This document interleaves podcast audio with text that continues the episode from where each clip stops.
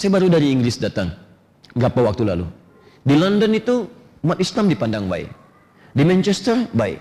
Di Liverpool baik. Bahkan ada satu masjid, itu masjidnya di Kansal, di kota itu. Itu Masya Allah setiap hari Pak Ibu, dua orang paling minimal masuk Islam. Masuk Islam, masuk Islam, masuk Islam. Jadi aneh, di tempat yang paling modern pada masuk Islam. Jadi kalau ada di Indonesia yang keluar dari Islam, itu orang aneh. orang aneh. Kalau di tempat yang pada maju, negara-negara maju, orang pada masuk Islam. Anda bayangkan, saya ke tempat-tempat negara maju pada masuk Islam. Di New Zealand pada masuk Islam. Ya, di London pada masuk Islam. Di Kanada masuk Islam. Jadi kalau di Indonesia yang belum semaju sono, pada keluar ada yang keluar dari Islam, berarti ada yang aneh dalam dirinya.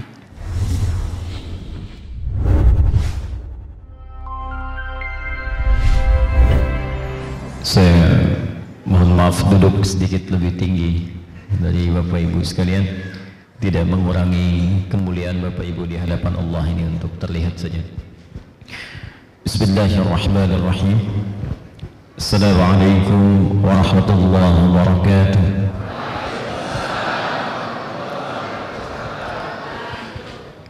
Alhamdulillahilladzi hadana ila al-islam fa asbahna muslimin. فغرس في قلوبنا الإيمان فأصبحنا به مؤمنين. فأمرنا بالعبادة نكون من المتقين. فنحمدك يا رب العالمين حمدا كما علمتنا أن نحمدك. ونشكرك شكرا كما علمتنا أن نشكرك. أنت المقدم وأنت المؤخر. بيدك الخير. إنك على كل شيء قدير. اللهم صل وسلم وبارك على النبي الكريم الرسول الأمين سيدنا محمد وعلى آله وصحبه وذرياته. وأمته إلى يوم الدين أما بعد فيا عباد الله أوصي نفسي وإياكم بتقوى الله فقد فاز المتقون فلا تموتن إلا وأنتم مسلمون. فقال تعالى يا أيها الذين آمنوا اتقوا الله حق تقاته ولا تموتن إلا وأنتم مسلمون Hadirin sekalian, Alhamdulillah kita kembali dipertemukan untuk beribadah kepada Allah Subhanahu wa taala melalui pembelajaran dalam majlis-majlis ilmu yang disebutkan dalam Al-Qur'an Bahkan Allah langsung menurunkan satu ayat untuk memuliakan para penuntut ilmu dan menyejajarkan ingat menyejajarkan penuntut ilmu yang sungguh-sungguh dengan para mujahid fi sabilillah.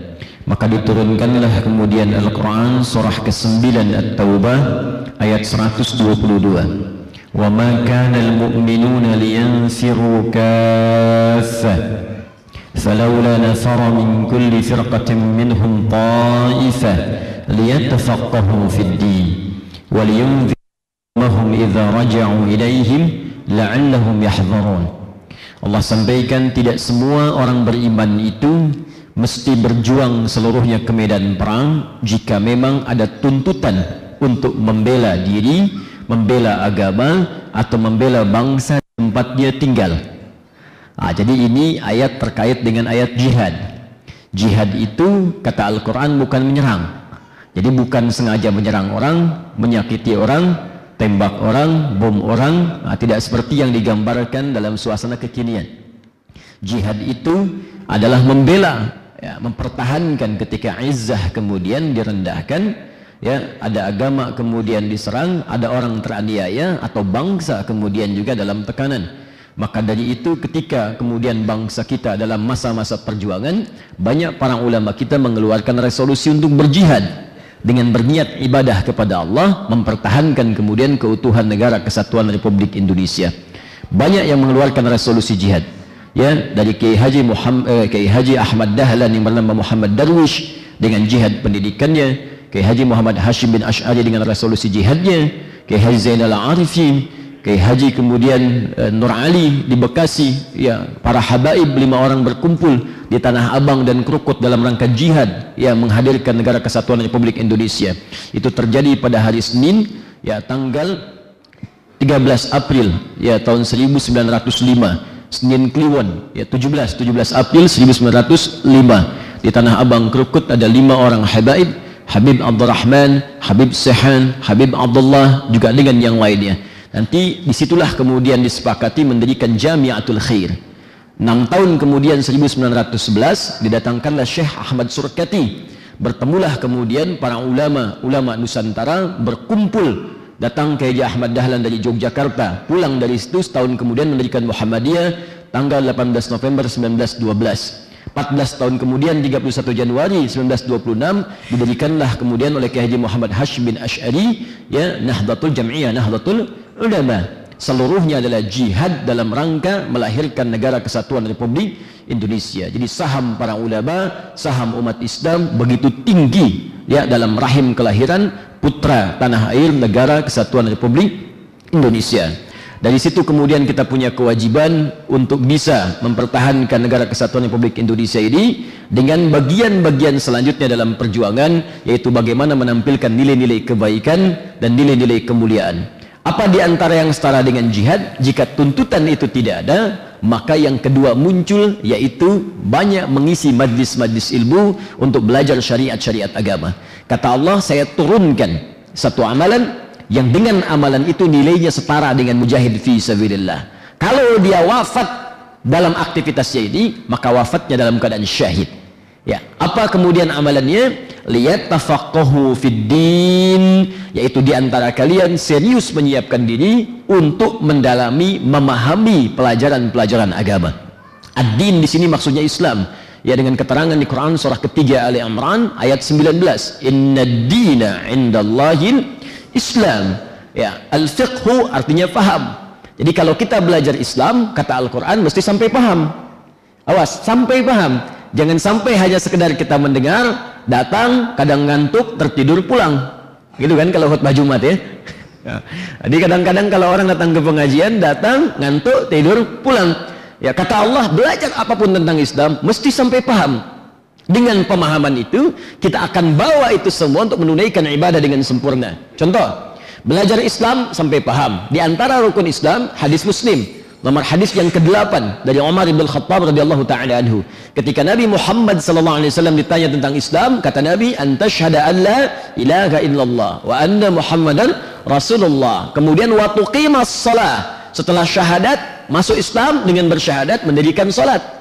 Sekarang kita ingin belajar tentang sholat. Kata Al-Quran, belajar sampai paham. Karena itu pelajaran-pelajaran syariat disebut dengan fikih namanya. Fikih sholat, fikih zakat, fikih haji. Kenapa disebut fikih? Itu gambaran kepada kita supaya belajar sampai dengan paham. Kenapa sampai paham? Kata Al-Quran. Awas, Quran surah ke-29, ayat ke-45. Utslu ma uhya ilaika minal kitab wa aqimis salat. Inna salata tanha anil fahsya wal munkar. Utslu bukan sekedar baca, tapi punya tiga arti. Satu baca, dua pahami, tiga kemudian amalkan. Sebelum anda sholat, kata Allah, belajar dulu tentang bacaan sholat, belajar tentang makna sholat sampai paham. Dengan pemahaman itu, sholat kita akan khusyuk. Kenapa banyak orang sholatnya tidak khusyuk? Karena tidak paham apa yang dibaca dan dilakukan dalam sholatnya. Coba jujur pada diri kita sampai dengan pagi kali ini. Dari sekian kita ruku dan sujud, berapa persen bacaan sholat yang kita pahami? Jangan-jangan ruku tidak paham.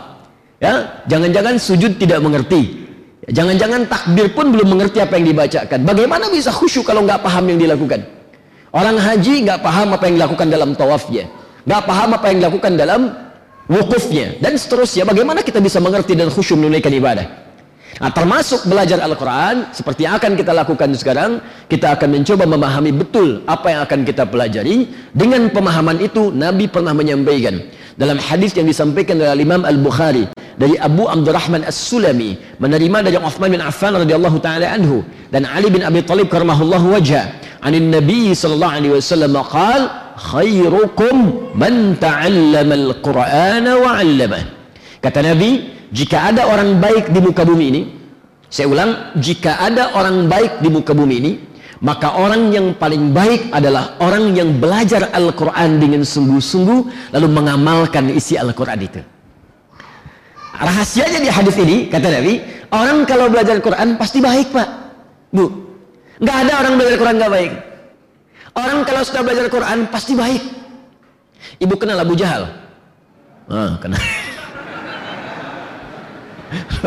Pagi-pagi udah kena Abu Jahal. Sarapan apa tuh? Masya Allah. Kenal di mana bu? Abu Jahal, mohon izin, hidup di zaman jahiliyah.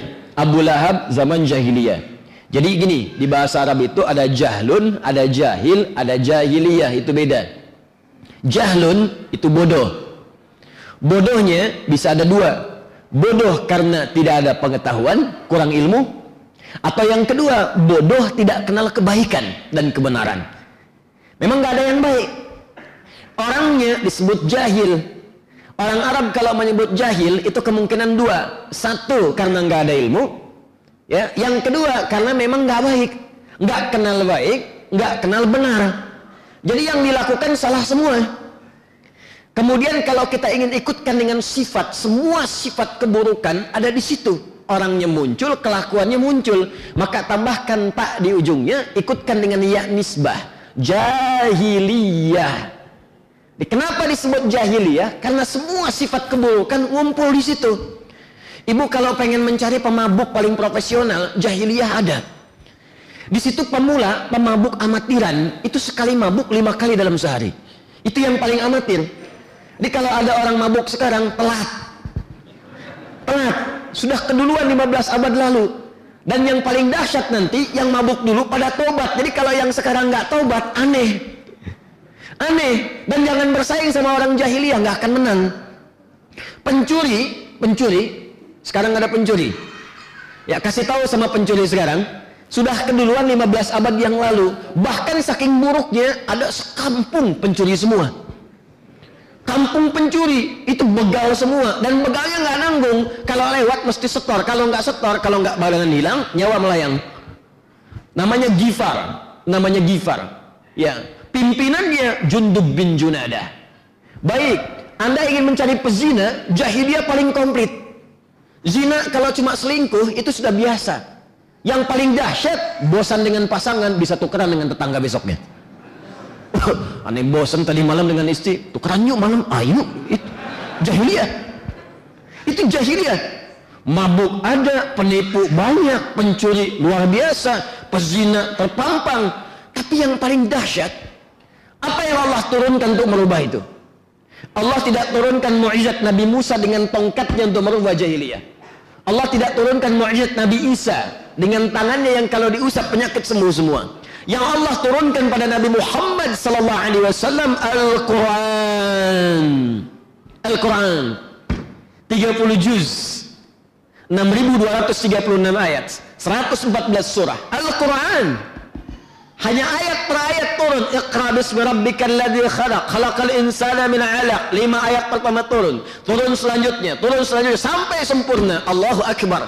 Hanya dengan Al-Qur'an diturunkan berubah dari jahiliyah menjadi khairu ummah. Kata Nabi khairukum pakai khair. Khairukum. Khair itu kalau disebutkan dalam bahasa Arab itu umumnya menunjuk kepada sifat. Jadi ada lima jenis kebaikan dalam Al-Quran. Ada kebaikan fisik. Ya, fisiknya baik, sehat, tidak ada penyakit. Orang Arab menyebutnya dengan tayyib. Quran surah kedua Al-Baqarah ayat 168. Ya, paling kanan sebelah bawah di mushaf. Ya ayyuhan nasu kulu mimma fil ardi halalan tayyiba. Hei semua manusia, silahkan bekerja, cari makan supaya kalian bisa konsumsi kehidupan, bertahan dalam hidup. Makan silahkan. Tapi kalau sudah dapatkan itu, cari dengan yang halal. Jangan melanggar ketentuan hukum. Cari yang halal. Kalau sudah dapat yang halal, berikan dari situ. Cari, beli yang baik-baik untuk kesehatan yang dibutuhkan. Jadi nggak semua yang diinginkan mesti dibeli.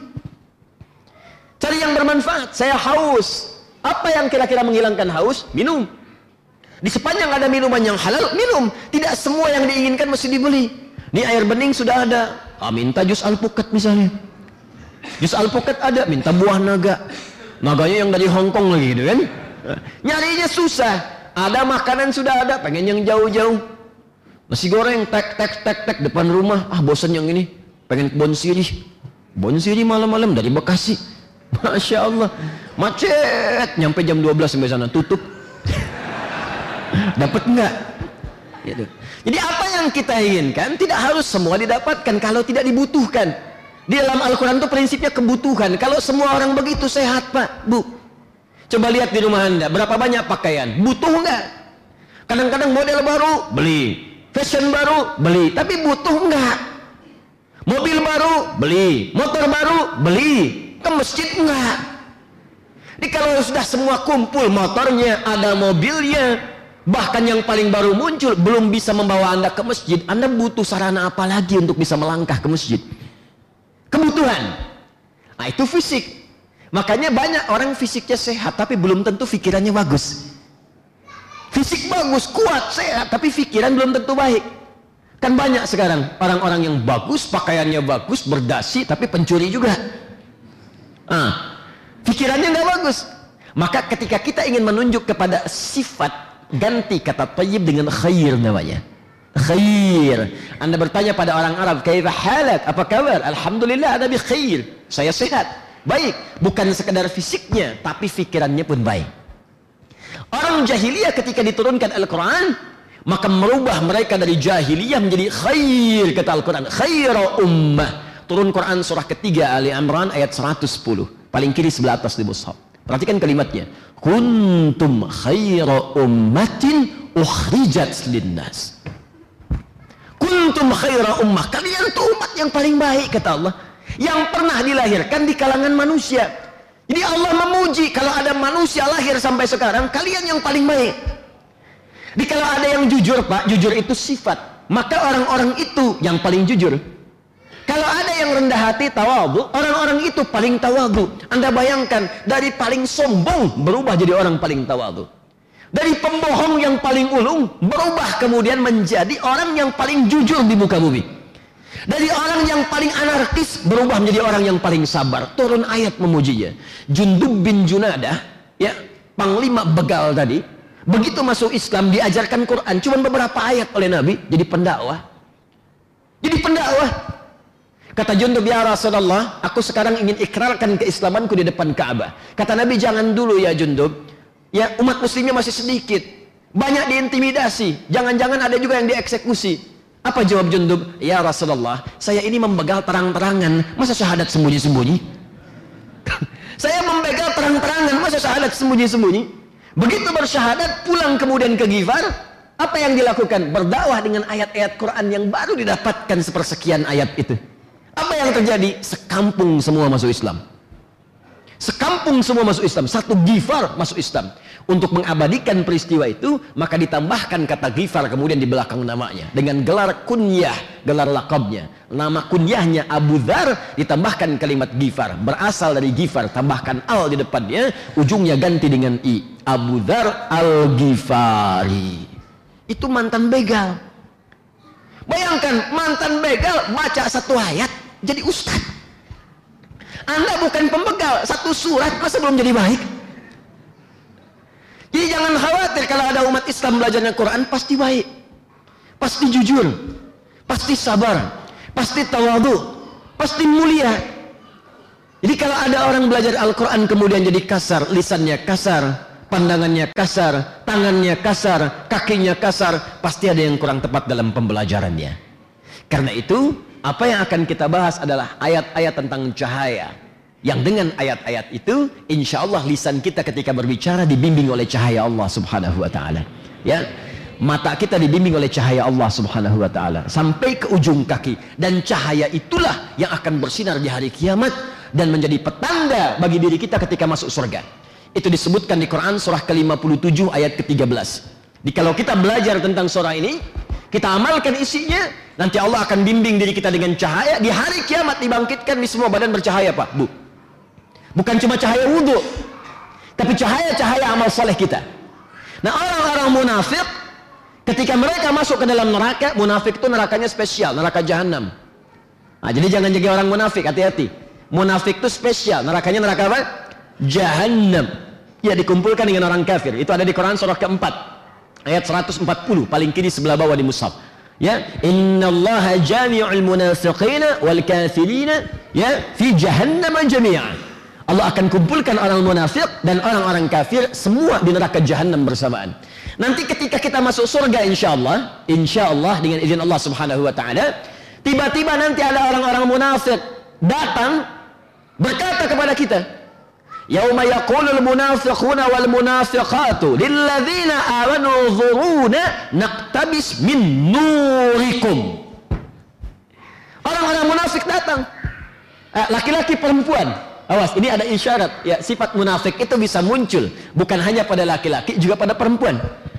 Ketika mereka datang pada orang-orang beriman, mereka berkata, "Eh, minta bagian dari cahaya kalian. Kami pengen ambil."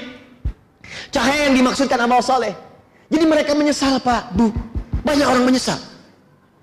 Makanya saya katakan mumpung masih hidup, ayo berbuat baik. Mumpung masih hidup. Cukup Anda jadi muslim pasti baik. Pasti baik. Dan mumpung masih hidup cepat beramal soleh. Karena banyak jangankan orang-orang munafik dan orang bermaksiat. Orang beriman pun ketika wafat permohonan pertamanya kepada Allah, ya Allah berikan kesempatan untuk hidup lagi. Fa'asaddaqau akum minas saya pengen berbuat baik ya Allah. Saya pengen berbuat baik. Tidak harus menjadi ustadz. Silahkan apa pun yang anda kerjakan selama hidup sepanjang baik. Jadi guru silahkan. Pengusaha silahkan. Ada tentara, ada polisi, ada pejabat, ada diplomat. Jadi pejabat yang baik. Diplomat yang baik. Karena anda akan wafat. Anda wafat. Kalau anda sudah siap silahkan. Kata Allah, Anda beramal saleh, saya siapkan surga untuk Anda. Anda beramal salah, ini ada ancaman saya. Kalau nggak yakin silahkan, tapi Anda akan wafat. Kullu nafsin dha'iqatul maut. Ketika orang soleh wafat, diambil oleh Allah dengan tenang, diberikan kemudian balasannya. Nanti kita akan lihat saat wafat. Ketika orang salah wafat pun diberikan balasan yang setimpal. Jaza'a wifaqa. Balasan yang setimpal. Apa yang terjadi? Karena nggak pernah beramal soleh, maka orang-orang soleh tadi yang punya cahaya, sebagian yang salah ingin mengambil cahayanya. Maksud dia ingin berusaha beramal soleh seperti mereka. Naktabis min nurikum, kami ingin ambil cahaya kalian. Apa yang dikatakan oleh malaikat? Kilarji'u, pulang sana, pergi, pergi, pergi, diusir dari surga. Faltabisu nura. Ya, naktabis min nurikum, kilarji'u, ayo pulang pergi. Cari, cari cahaya sendiri. Ayo berbuat seperti apa yang pernah kau lakukan.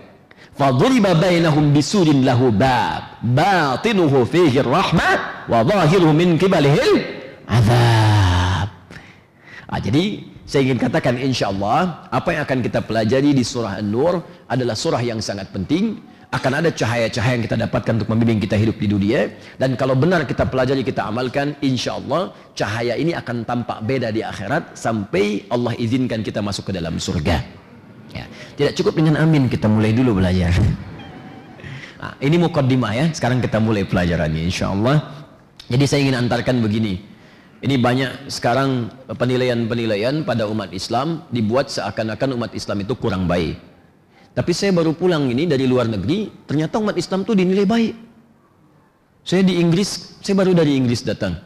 Berapa waktu lalu. Di London itu umat Islam dipandang baik. Di Manchester baik.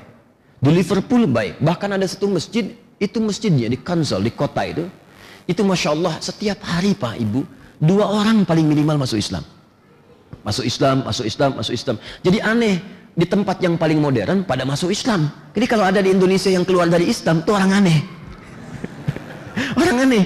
Karena di tempat yang pada maju, negara-negara maju, orang pada masuk Islam. Anda bayangkan, saya ke tempat-tempat negara maju pada masuk Islam. Di New Zealand pada masuk Islam. Ya, di London pada masuk Islam, di Kanada masuk Islam. Jadi kalau di Indonesia yang belum semaju sono, pada keluar ada yang keluar dari Islam, berarti ada yang aneh dalam dirinya. Jelas ya? Baik, ayo kita tampakkan nilai kebaikan, insya Allah kita tampilkan. Dan kalau sudah dilawan dengan akhlak, insya Allah berbagai stereotip pada umat Islam akan hilang dengan sendirinya. Tidak usah banyak dikomentari, yang penting kita buktikan dengan akhlak yang mulia. Ya, sebelum kita mulai, Alhamdulillah, hari ini akan ada yang bersyahadat ya kembali kepada fitrahnya untuk masuk Islam dan sebelum kita mulai kajian kita mohon izin berkenan saya ingin bimbing dulu untuk masuk Islam supaya insya Allah beliau mengikuti taklim pertama dalam hidupnya dengan keadaan sebagai muslimah dengan izin Allah Subhanahu wa taala. Alhamdulillah. Enggak usah nengok ke belakang karena bukan laki-laki tapi perempuan. ya. Baik. Bismillah. Uh, namanya Mbak Berbi Herlensi. Mohon izin bisa mendengar suara saya, Mbak? iya, bisa. Oh, Alhamdulillah, baik. Gak melihat gak apa-apa ya, yang penting hati kita tersambung ya.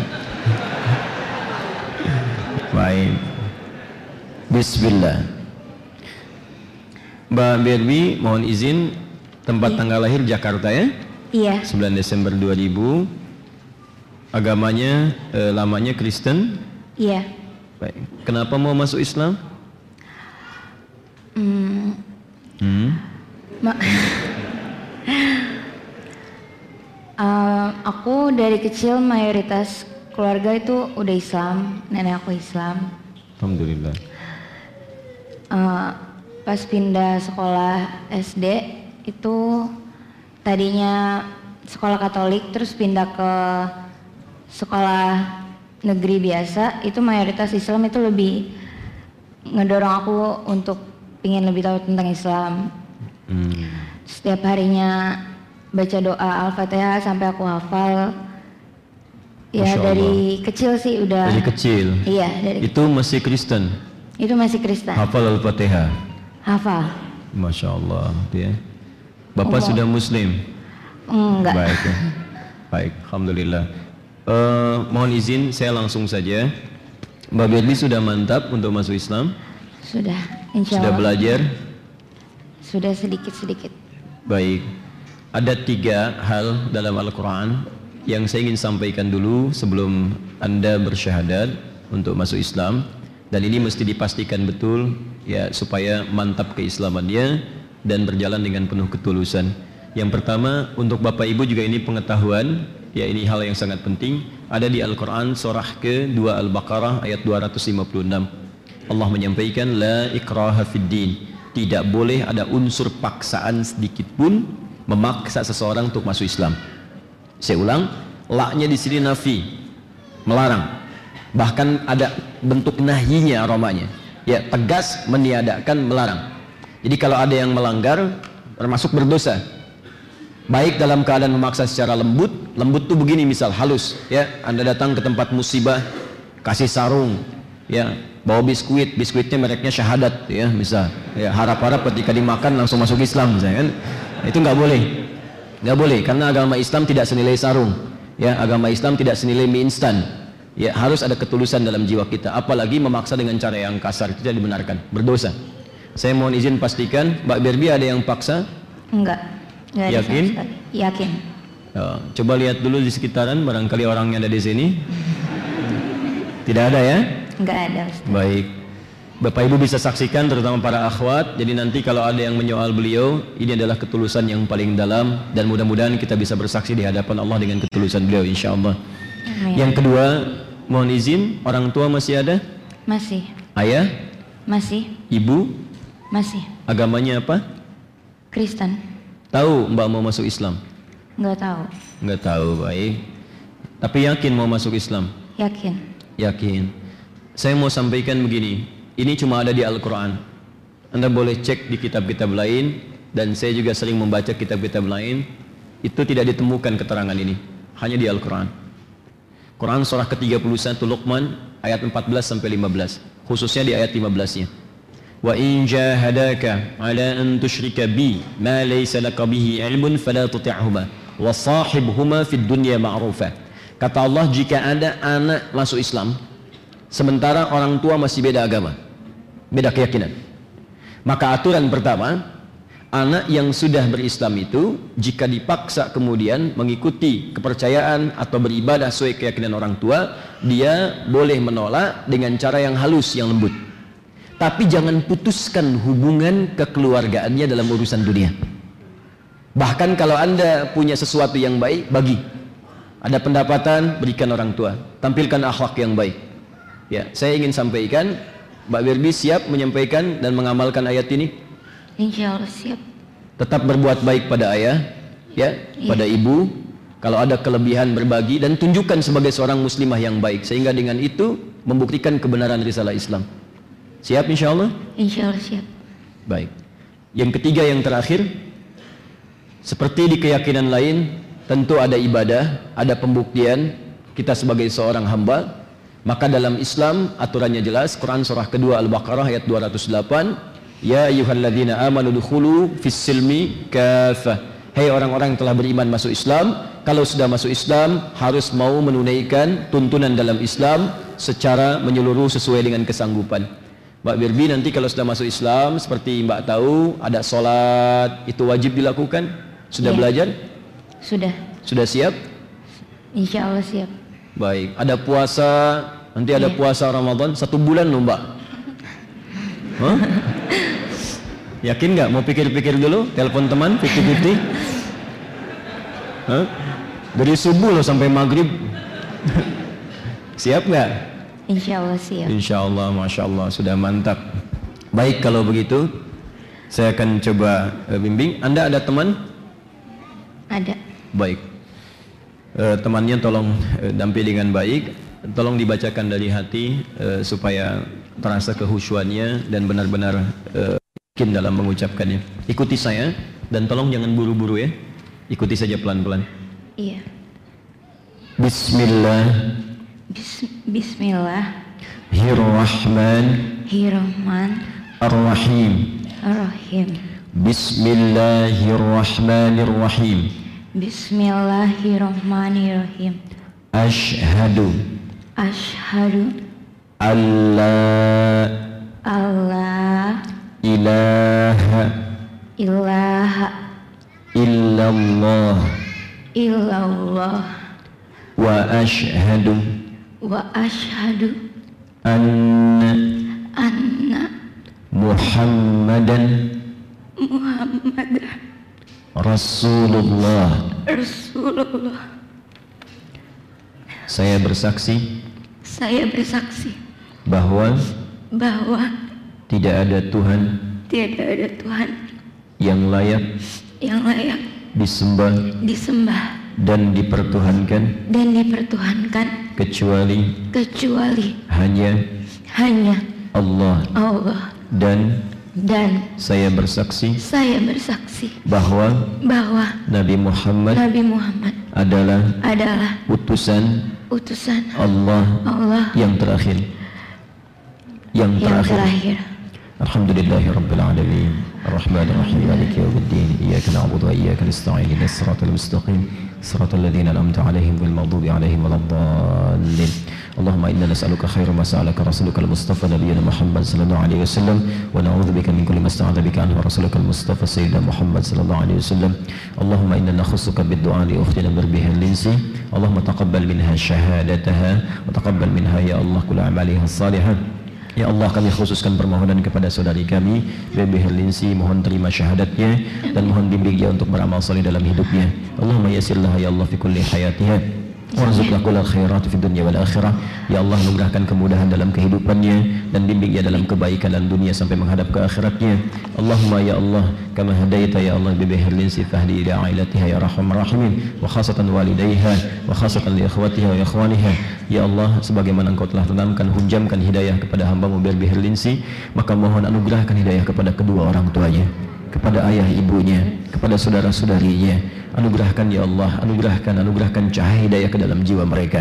Allahumma ya arhamar rahimin, alhiqa bis salihin wa alladhina lam ta'alaihim min nabiyyin was siddiqin was syuhada'i was salihin wa hasuna ulaika rafiqa. Ya Allah, tempatkan saudara kami Berbi bersama orang-orang yang saleh di dunia dan di akhirat. Tempatkan di akhirat bersama para nabi, para syuhada, orang-orang jujur dan orang-orang soleh yang engkau pilih. Allahumma alhiqna ma'ha fi rahmatika ya arhamar rahimin. Ya Allah, seperti engkau berikan kemuliaan kepada Baby Herlinsi, anugerahkan kemuliaan yang sama kepada seluruh kami yang hadir pada saat ini. Anugerahkan rahmat kepada kami, keberkahan kepada kami dan bimbing kami untuk hidup dalam keadaan yang baik dan wafat dalam keadaan husnul khatimah. Biqaulina la ilaha illallah Muhammadur Rasulullah wa qaulika ya ayyatuhan nafsul mutmainnah irji'i ila rabbiki radiyatan mardiyah في عبادي وادخلي جنتي وصلى الله على رسولك الكريم نبيك الأمين سيدنا محمد وعلى آله وصحبه أجمعين. اللهم ربنا آتنا في الدنيا حسنة في الآخرة حسنة وقنا عذاب الله وآخر دعوانا أن الحمد لله رب العالمين. Selamat Mbak Wirbi Sekarang sudah muslim ya? Iya. Baik. Eh, Saya minta ibu-ibu yang di atas Ini ada saudari baru Mohon diberikan bimbingan. Dan jangan malu nanti kalau untuk minta bimbingan ya Kepada teman Belajar salat yang baik Belajar keislaman Dan semoga dimudahkan. Kalau nanti ada apa-apa yang kira-kira bisa dibantu untuk mengembangkan keislaman Silahkan. Nanti bisa belajar di Quantum Affair Institute. Dalam waktu dekat kita akan buka nanti kelas untuk mu'allaf insyaallah. Ya Alhamdulillah setiap pekan di Bekasi itu hampir ada yang masuk Islam. Bahkan dari luar negeri, ada yang datang dari Belanda, ada yang datang dari Austria, ya dari Jepang. Makanya saya sering katakan orang dari luar negeri yang maju-maju datang untuk masuk Islam. Jadi kalau ada orang Islam yang keluar, pasti ada yang salah dalam jiwanya. Baik, kita akan mulai kajian kita. Kita punya waktu kurang lebih satu jam 15 menit ke depan dan kita bisa manfaatkan dengan baik. Semoga Allah berikan kemudahan untuk membahas apa yang kita akan kaji. Bismillahirrahmanirrahim. Kita masih di surat An-Nur dan sekalipun sekarang kita bahas di Masjid Al-Hikmah, tapi insyaAllah saya selalu berdoa kepada Allah untuk menjauhkan saya dari sifat lupa. Sehingga saya Alhamdulillah hari ini masih ingat kalau kita punya perjanjian setiap akan membahas ayatnya mesti kita hafalkan ayatnya dan kalau belum hafal tunggu di luar ya tapi hari ini karena kita baru memulai di masjid yang baru maka saya toleransi untuk hari ini ya insyaallah setiap kita belajar sepakat harus sepakat harus sepakat ya kalau tidak sepakat ya sudah cari ustaz lain ya saya ingin setiap kita belajar Al-Quran kan tidak banyak. Sebulan cuma satu ayat. Itu pun kadang bahas tafsirnya sampai tiga bulan selesai satu ayat. Masa dalam sebulan nggak selesai satu ayat? Cita-cita masuk surga. Surga Firdaus lagi gitu kan? Satu ayat sampai tiga bulan. Baik, jadi kita usahakan. Jadi bacanya dapat, ayatnya dapat, tafsirnya dapat. Jadi ketika kembali kepada Allah bangga kita. Bukan cuma beramal, ayatnya pun dapat. Jadi ada nanti kata Nabi surah-surah tertentu, ayat-ayat tertentu yang akan mendampingi kita sampai hari kiamat. Ya. Ada orang yang hobi baca Al-Baqarah dan Ali Imran. Itu kata Nabi sallallahu alaihi wasallam di Al-Bukhari bahkan di Muslim ka'annahuma ghamamatan. Orang yang hobi cinta senang baca surah Al-Baqarah dan Ali Imran saat dihisab di hari kiamat sebelum ke surga saat dihisab, dia akan punya pelindung khusus awan yang menaungi, dua awan. Di kalau ke mana saja berjalan, tetap sejuk. Disebut dua-duanya dengan awan Al-Baqarah dan Ali Imran. Ka'annahuma ghamamatan. Di ada orang yang di tujuh golongan satu tenda, tenda besar tujuh golongan. Sab'atun yadhilluhumullahu fi dhillin yawma la dhilla illa dhilluh. Ada tujuh golongan yang saat di hari kiamat dahsyat. Sampai orang sudah nggak kepikiran surga dan neraka. Yang penting pengen dihisab ya Allah. Panasnya deras luar biasa. Keringat sudah naik. Sudah orang sudah lupa dengan keadaan. Yang penting pengen cepat dihisap. Datang ke setiap nabi. Dari nabi Adam pengen minta syafaat nggak bisa nabi Nuh nggak bisa ke nabi Ibrahim nggak bisa ke Musa ke Isa nggak bisa dicarilah nabi penghujung Nabi Muhammad sallallahu alaihi wasallam banyak orang mencari umat Nabi Muhammad ada yang santai ya tujuh golongan Santai. Itu kenapa ya ribut-ribut? Iya, kenapa ya? Di sini kita biasa-biasa, mereka heboh begitu. Tujuh golongan. Al-imamul adil, pemimpin yang adil. Bahasanya imam, umum sifatnya. Dari level kecil sampai yang besar. Ya, awas hati-hati. Suami disebut imam dalam rumah tangganya. Imam. Ya, orang sholat, imam. Ah, makanya orang sholat pun mesti adil. Karena itu ketika imam akan memimpin sholat, diminta melihat jamaah ke belakang. Bukan sekedar dengan kalimat, itu ada fikihnya, itu hati-hati, makanya mesti paham. Nengok ke belakang, ya ada bahasa disampaikan istau, istaqimu. Itu bahasa bukan bahasa lafzi hakiki tapi maknawi. Ya, jadi dalam fikih itu ada yang lafzi, lafzi itu mesti lafadznya disampaikan begitu dengan bahasa Arab. Gak boleh dirubah. Seperti adzan, adzan itu lafzi. Jadi nggak boleh adzan pakai bahasa lokal. Harus bahasa Arab. Allahu akbar, Allahu akbar. Di Arab begitu. Di Indonesia juga walaupun bukan negeri Arab sama. Allahu Akbar, Allahu Akbar. Ya di Amerika Allahu Akbar, Allahu Akbar. Gak boleh diganti. Kalau diganti maknanya hilang. Wah saya mau Betawi, pengen bahasa Betawi aja deh biar Nusantara dikit. Tuh, ah Tuhan dua gede, Tuhan dua gede. Ah, nanti yang orang Sunda, Allah Agung, Allah Agung. Ya semuanya akan beda, tapi ada lafzi yang gak bisa diganti. Ya sama, nama-nama surah dalam Al-Quran. Lafzi Walaupun ada terjemahannya, tapi ketika berbagi nama suratnya, ingin share tentang surat, tetap disebutkan Arabnya. Akhi sedang merajaah surat apa? Al-Baqarah. Ya. Bukti surat apa? Gak boleh diganti dengan terjemahan. Kalau diganti, rasanya akan beda. Bro, tadi tadi surat apa? Sapi begini. Ente apa? Surat mama. Rasanya akan beda. Tapi kembalikan kepada lafaz sampai kaget mati lampu.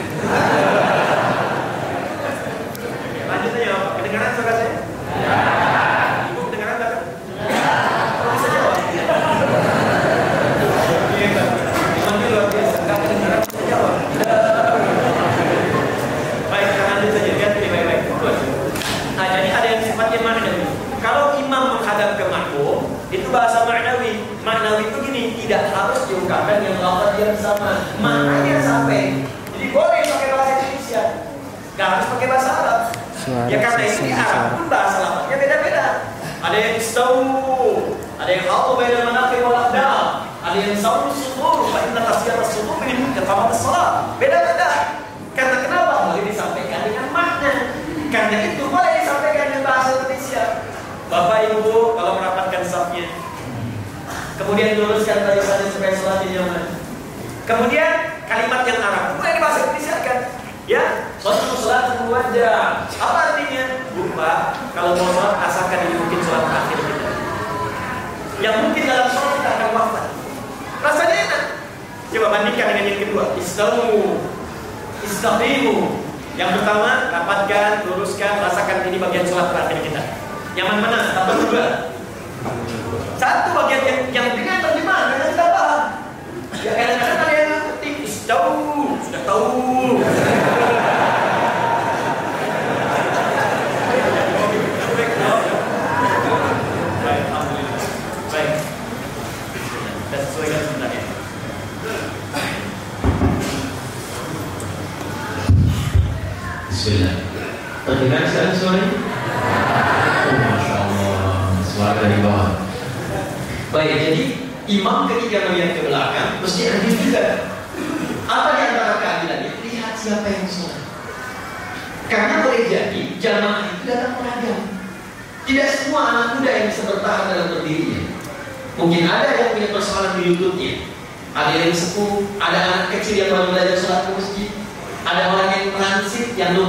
Mungkin buru-buru akan menjaga kendaraan dan pesawat.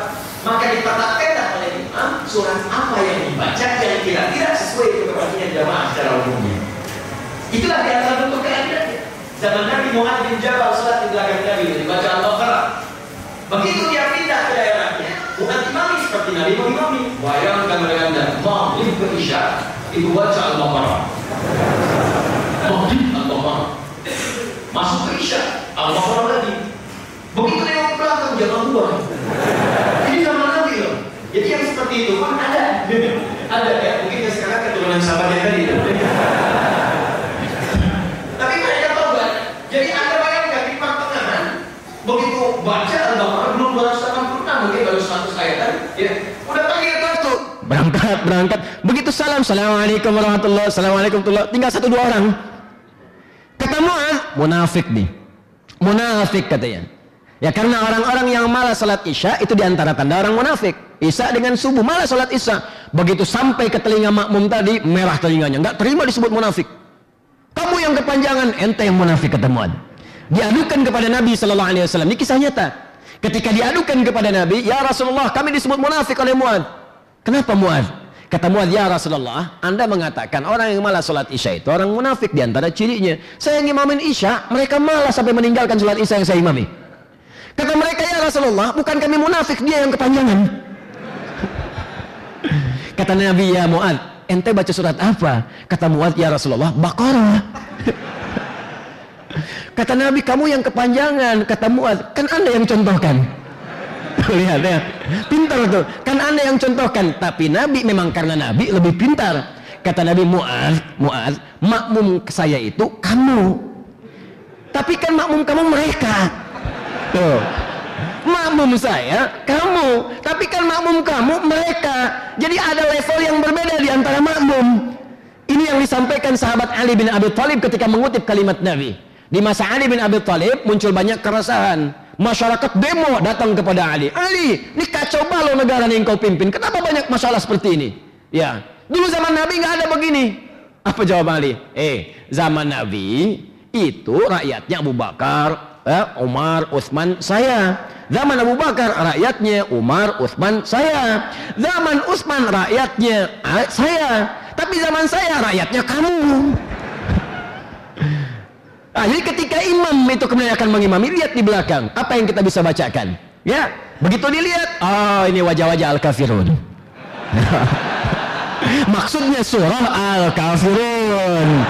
Jadi begitu sudah walabal musallin amin qul ya ayyuhal kafirun begitu dilihat masya Allah wajah-wajah ikhlas ini.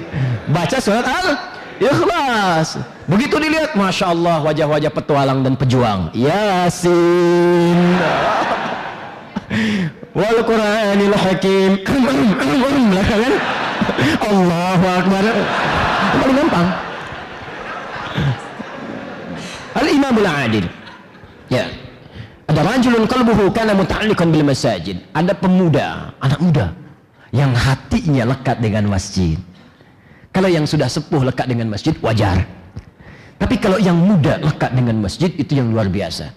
Jadi saya sering katakan ada pemuda Real Madrid, ada pemuda Real Masjid. Ya, dekat dia ke masjid. Nah itu pun di hari kiamat akan punya naungan. Ada rajulani syaban yatahabba fillah Allahu Akbar. Dua orang yang saling mencintai karena Allah. Dua orang saling mencintai karena Allah. Berpisah bertemu karena Allah. Bertemu karena Allah pasti bertemu di tempat-tempat baik. Akhi ke pengajian yuk, ayo. Malam tahajud yuk, ayo. Kalau perempuan, ukhti berjilbab yuk, ayo.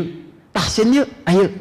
Tapi redaksinya laki-laki laki-laki, perempuan perempuan, bukan ke laki-laki ke perempuan. Ya. Ukhti malam tahajud yuk, oh modus itu. Kecuali yang mahram, suami dan istri. Tapi ada yang dahsyat, itu tujuh golongan. Ada yang dahsyat, ini golongannya terpisah dari yang tadi. Dikala yang tujuh golongan di tenda itu saja.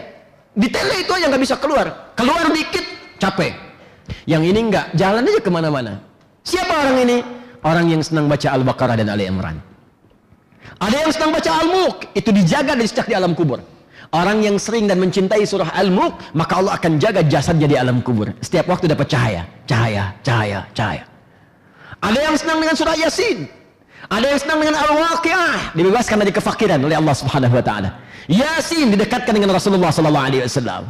Makanya silahkan Yasinan, Baqarahan, Al-Kahfian, Al-Mulkan, An-Nisaan. Ya, semua ada faidahnya, ada fadilah dalam surah Al-Quran. Orang yang senang dengan surah Yusuf dibebaskan dari kesedihan. Makanya ulama para pakar tafsir mengatakan kalau anda sedang gelisah, sedang sedih, di kantor ada masalah, di rumah ada persoalan, jangan bikin status. Bahkan selesai. Tak kusangka engkau seperti itu adanya. Oh nyangka. Buka mushaf baca Quran, surah Yusuf hilang kesedihan. Coba minimal walaupun solusi belum datang, hati tenang. Hati tenang. Surah An-Nur ketika Anda kaji dan Anda bacakan cahaya Allah datang membimbing kita dalam kehidupan. Karena itu Bapak Ibu sekalian, ayo cintai, cintai, cintai, mulai untuk membaca. Sekarang kita akan masuk kepada ayat yang pertama. Siap-siap saya bacakan kembali, Anda ikuti supaya ada pahala didapatkan. Ingat baca Al-Quran satu hurufnya berapa? Sepuluh. Itu paling minimal. Dalilnya At-Tirmidzi nomor hadis 2000, 2010. Ya, At-Tirmidzi nomor hadis At-Tirmidzi nomor hadis 2010. Ya, man qara'a harfan min kitabillahi falahu asyru hasanat. Siapa yang membaca satu huruf saja dari Al-Qur'an dia mendapatkan 10 pahala dari setiap satu hurufnya. Walam aqul alif lam mim harfun. Saya tidak katakan kata Nabi alif lam mim satu huruf, tapi alif satu huruf, lam satu huruf, mim satu huruf. Walikulli harfin asyru hasanat. Setiap hurufnya 10 kebaikan. 10 itu dihitungnya jangan begini. 1 2 3 4 bukan. Cara ngitungnya satu keduanya 500 tahun. Dua ketiganya 500 tahun. Tiga keempat 500 tahun. Jadi kalau anda sehari nggak baca Al-Quran, anda rugi karena anda kehilangan pahala ribuan tahun. Rugi. Uh, sebentar, gini gini gini cara memahaminya. Yang pengen masuk surga, coba angkat tangan. Yang pengen ke surga dah.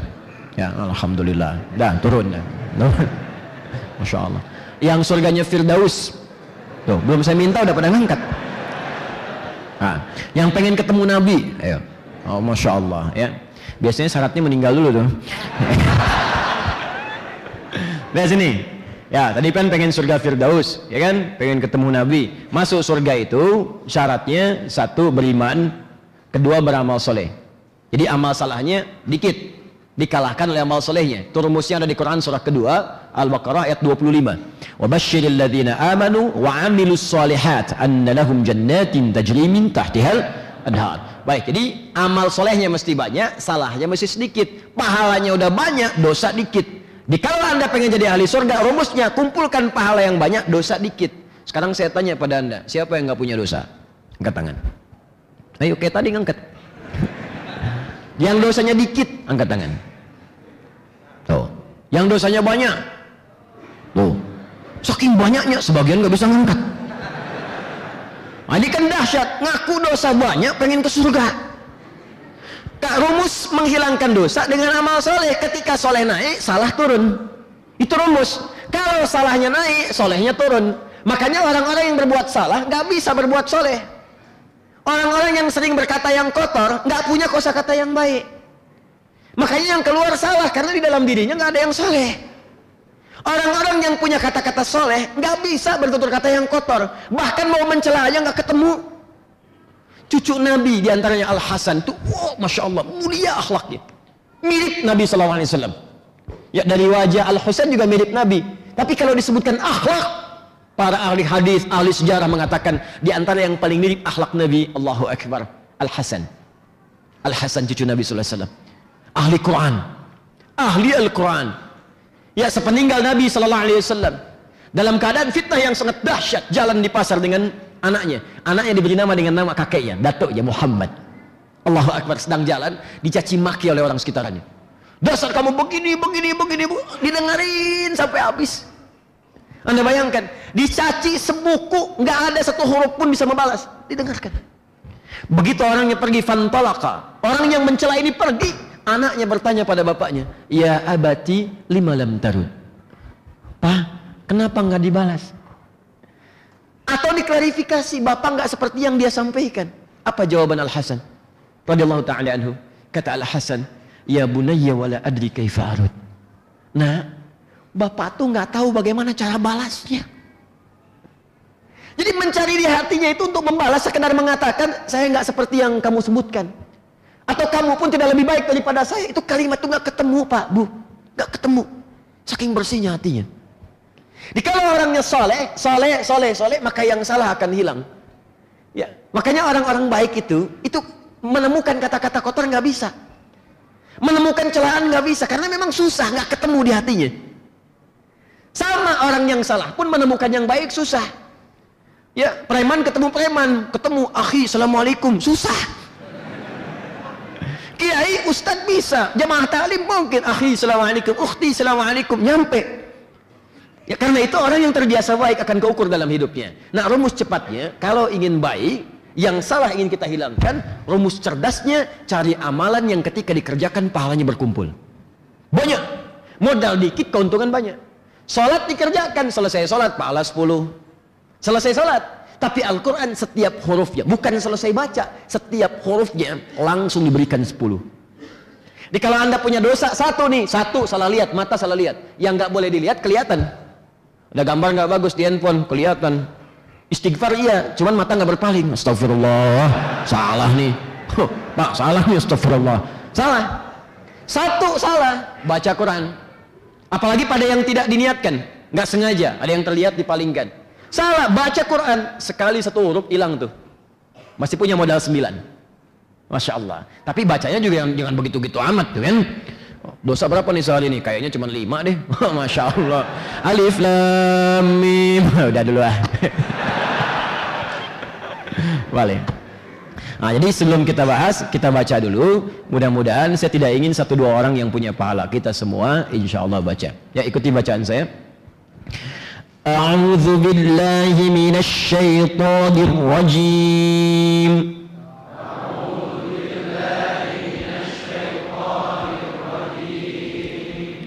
ذو ذو ذو ذو ذو bukan ذو ذو أعوذ بالله ذو. أعوذ بالله من الشيطان الرجيم أعوذ بالله من الشيطان الرجيم. بسم الله الرحمن الرحيم. بسم الله الرحمن الرحيم سورة أنزلناها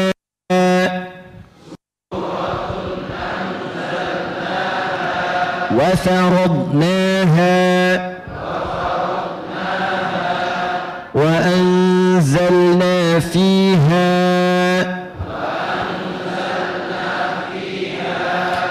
آيات بينات لعلكم تذكرون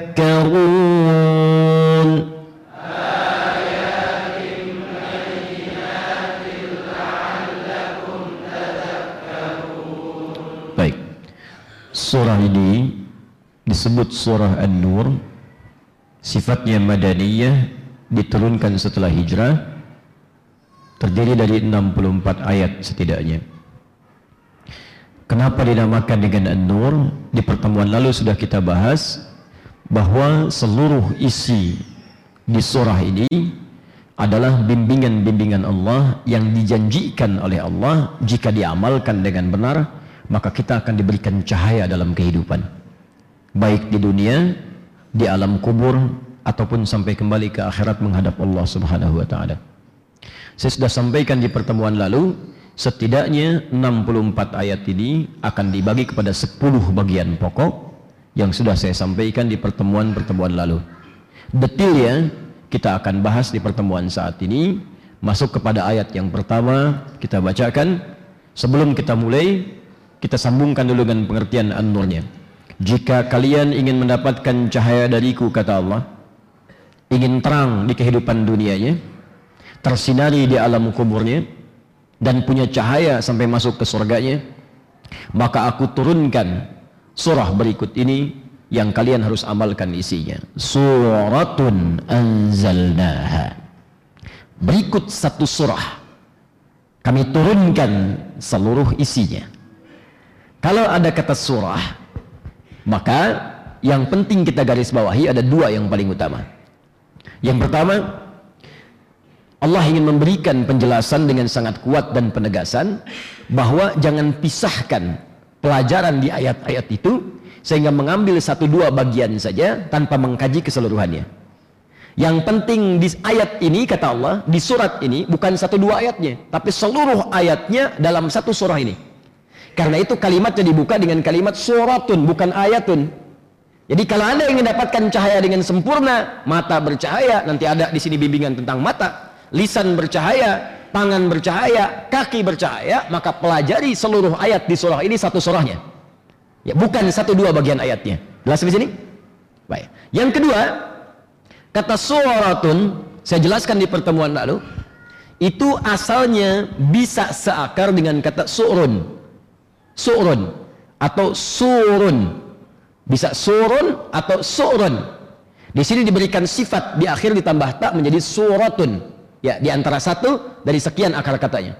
Surun saya pernah sampaikan adalah pembatas batas atau pagar. Ya, sehingga di Madinah pernah dibuat pagar disebut dengan Su'rul Madinah. Batas kota Madinah dengan kota-kota yang lainnya. Kalau Anda sudah melewati batas itu, ya dijaga di situ supaya orang-orang yang tidak berkepentingan tidak masuk ke situ. Batasnya disebut dengan Su'run. Kadang-kadang disebut dengan Surun. Ya, Surun. Seperti di Al-Quran tadi surah ke-57 Al-Hadid ayat ke-13. Ya, yauma yaqul munafiquna wal munafiqatu lilladzina amanu dhuru ya unzuruna naqtabis bin nurikum qila irji'u faltamisu nuran fadhuriba bainahum bisurin ya bisurin maka dibuatkan dari orang munafik ini dengan orang-orang beriman satu pagar pembatas yang nggak bisa melewati itu jadi surun ya di antara turunan katanya ditemukan di Quran surah Al-Hadid surah 57 ayat ke-13 Allah buat pembatas antara neraka dengan surga sehingga orang neraka nggak bisa sampai ke surga tapi kalau ahli surga bisa saling mengunjungi. Tergantung levelnya. Jika levelnya paling atas dia bisa berkunjung ke bawah. Level bawah nggak bisa berkunjung ke atas. Dia ada empat level surga nanti. Ya, level surga bersama, level surga dengan para nabi. Ya, semua nabi yang pernah tinggal di bumi. Itu ada di Quran surah keempat An-Nisa ayat 69. Amalannya ada di situ. Yang berhak di surga bersama nabi itu semua nabi. Di dari Nabi Muhammad wasallam sampai Nabi Adam. Ada di situ semua. Ya Muhammad SAW, ya bin Abdullah, bin Abdul Muttalib, bin Hashim, bin Abdul Manaf, bin Qusay, bin Murrah, bin Kilab, bin Ka'ab, bin Ghalib, bin Figir, bin Malik, bin Nadar, bin Kinana, bin Khuzaimah, bin Mudrika, bin Ilyas, bin Nizar, bin Mudar, bin Ma'ad, bin Adnan, bin Addi, bin Adri, bin Muqawwam, bin Nahur, bin Tari, bin Ya'rub, bin Yasub, bin Nabit, bin Ismail AS, bin Ibrahim AS, bin Azar, bin Nahur, bin Amir, bin Kinan, bin Arfahshad, bin Sam, bin Nuh AS, bin Mihlail, Matushala, bin Kinan, bin Anwas, bin Tis, bin Adam AS. Dari zaman Nabi Adam sampai Nabi Muhammad, komplek Nabi Muhammad paling bagus. Ya paling tinggi, paling elit. Itu semua para nabi. Bahasanya nabiyin. Wa may yuti'illaha war rasula faulaika ma'al ladzina an'ama Allahu 'alaihim minan nabiyyin. Semua para nabi. Yang tinggal di situ paling utama ada tiga golongan. Satu para syuhada. Syuhada orang-orang yang syahid. Ya, syuhada makanya saya katakan kalau ada amalan-amalan yang setara dengan nilai jihad, yang kalau wafat syahid cepat buru itu. Sekarang nggak ada tuntutan untuk bela ya bela negara, bela ibadah dan sebagainya. Gak ada sekarang. Yang ada apa? Cari amalan setara. Contoh apa? Majlis ilmu. Makanya dalam sepekan coba cari amalan yang bisa mengantarkan ke surga dengan cepat. Masa mau cari dunia terus? Mau sampai kapan tuh cari dunia? Satu saat akan pulang, kita akan tinggalkan. Makanya buat program. Eh, pekan ini di mana pengajian? Al-Hikmah. Oh, ini Al-Hikmah, ini An-Nur. Ini Masjid Raya Pondok Indah, yang ini Masjid A, Masjid B. Petakan oleh kita. Begitu ada bagian yang kosong kita hadiri, datangi. Wafat Anda sedang dalam perjalanan menuntut ilmu, wafatnya syahid. Syahid. Bahkan ada hadis Nabi di Ibnu Majah nomor hadis 233 dari sahabat Abu Darda, "Man salaka tariqan yaltamisu fihi ilma, sahalallahu lahu tariqan ilal jannah." Siapa yang menyiapkan dirinya sengaja untuk menuntut ilmu, melapangkan waktunya, maka setiap langkahnya langsung akan dicatat oleh Allah diperintahkan pada malaikat catat setiap langkahnya untuk meringankan langkah dia ke surga. Wa innal malaikata la tad'u ajnihataha ridwan li talibil ilmi. Bahkan sebelum dia berangkat kata Allah, saya akan kirimkan malaikat khusus untuk membentangkan sayap yang memberikan ridho kepadanya. Ridhonya malaikat di antaranya bisa memohonkan istighfar kepada Allah, yang kedua mengaminkan doanya. Makanya sebelum berangkat doa dulu. Ya, rabbi zidni ilman ya Allah, mohon tambahkan ilmu pada saya. Ya Allah mudahkan saya di pengajian, jauhkan dari sifat ngantuk, jauhkan dari ya Allah yang membuat konsentrasi saya hilang. Minta berdoa. Ya itu ada malaikat, makanya malaikat sifatnya goib, nggak tampak. Kalau ditampakin nggak jadi berangkat. Baru keluar rumah udah lihat sayap begini. Wih, anda siapa? Malaikat maut. Gak jadi. Walik, itu surun, pembatas. Nah, kenapa ayat pertama kalimatnya disebut dengan suratun? Kata para ahli tafsir, ini bukan sekedar menunjuk pada keseluruhan keutamaan surah An-Nur, ya, yang menunjukkan juga yang lainnya utama. Allah ingin menunjukkan surah ini sangat utama. Satu surahnya, bukan satu dua ayat sekaligus kata para ahli tafsir memberikan gambaran kepada kita bahwa di satu surah ini Allah akan turunkan bimbingan-bimbingan yang akan menjadi batas bagi kita dari hukum-hukum yang telah Allah tetapkan. Jadi kalau kita sudah belajar surah An-Nur ini, Allah akan berikan pagar pada diri kita supaya tidak melanggar ketentuan-ketentuan Allah. Nanti kita akan lihat, misal ada ayat bicara tentang pandangan, ayat 30 sampai 31. Nanti Allah akan jaga. Orang kalau sudah belajar ayat ini dengan baik, Allah berikan cahaya di matanya. Ada pagar. Ini yang boleh dilihat, ini yang tak boleh dilihat. Begitu pandangan tak sengaja menatap yang tak ter, yang nggak boleh dilihat, langsung dipalingkan. Yang min absarihim. Seketika berpaling, tak paling. Nah, itu pagarnya. Ada ayat tentang zina. Di semua yang terkait dengan zina, apakah nanti masuk lewat mata, lewat telinga, lewat lisan, mendengar kata-kata yang eh, erotis itu bagian dari zina, melihat gambar-gambar tayangan-tayangan yang tidak bagus pornografi bagian dari zina, porno aksi bahkan itu zinanya. Jangankan masuk ke pekerjaannya, mendengar saja dia sudah nggak mau. Ada batas. Makanya kata Allah suratun, aku akan berikan di surah ini satu surah yang kalau dipelajari akan ada batas-batas penjaga-penjaga dalam diri orang yang belajar surah ini sehingga tetap terjaga dalam kebaikan sampai wafat menghadap Allah Subhanahu wa taala. Indah. Jadi di lisannya ada perisai, di tangannya ada perisai, ada cahaya, di kakinya ada cahaya. Jadi begitu kaki akan melangkah pada yang maksiat, nggak jadi. Keluar dari Masjid Al-Hikmah, wih, sendal situ bagus tuh. Begitu mau dipakai, itu bukan punya kamu, ada cahaya di kaki. Allahu Akbar, salah. Pindah ke sendalnya dia. Kalau nggak ada cahaya susah. Ya, wah sendal bagus nih. Oh jangan, jangan, jangan, jangan lakukan. Itu tidak levelnya kurang. Juga itu lebih bagus lagi tuh. Karena nggak ada cahaya. Ya ada yang pura-pura ke masjid masuk. Oh masya Allah. Uh sendal saya mana ya? Pada KM tadi saya naruh di sini mana ya mungkin di sana. Oh iya itu dipakai. Padahal dia ke masjid nggak pakai sendal. Ya, nggak ada cahaya. Jadi dari ujung kepala sampai ujung kaki Allah berikan pembatas. Itulah suratun. Jadi kalau kita artikan suratun anzalnaha, kami turunkan satu surat yang istimewa. Saya ulangi, kami turunkan satu surah yang istimewa yang dengan seluruh surah ini kamu bisa mendapatkan cahaya dan dengan itu kami akan berikan dalam dirimu batas-batas yang bisa menjaga engkau dari perbuatan-perbuatan yang dilarang oleh Allah Subhanahu wa taala. Wa Baik, ini saya bawakan di antara kitab tafsir yang sering digunakan, kitab tafsir Al-Jalalain. Nanti saya contohkan beberapa tafsir yang lain. Ada Ibnu Kathir, ada Al-Jalalain. Saya kalau ngaji tafsir, saya kumpulkan kitab-kitabnya. Ini Al-Jalalain.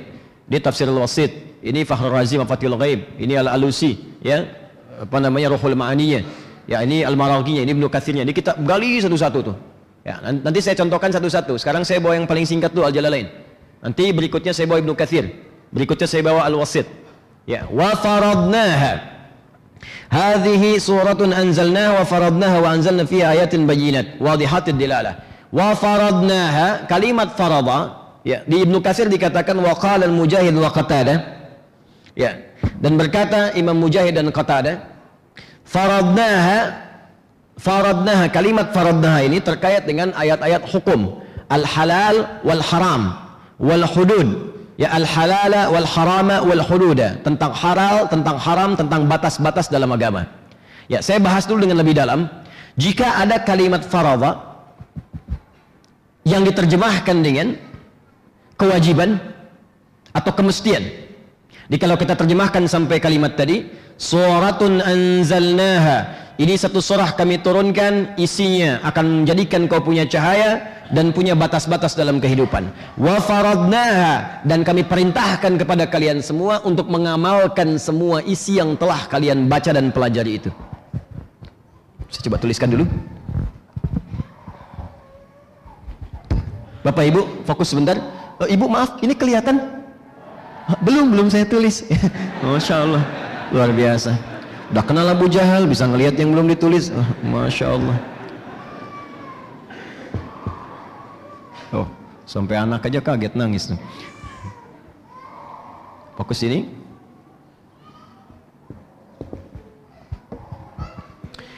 Suratun anzalnaha. Kalimatnya menggunakan anzala menunjuk pada keseluruhan.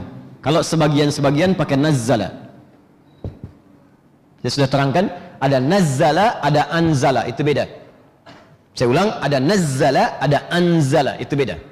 Kalau nazzala yunazzilu pakai tasydid. Nazzala yunazzilu. Ini itu artinya menunjuk pada sesuatu yang bertahap atau sebagian-sebagian. Bukan keseluruhan.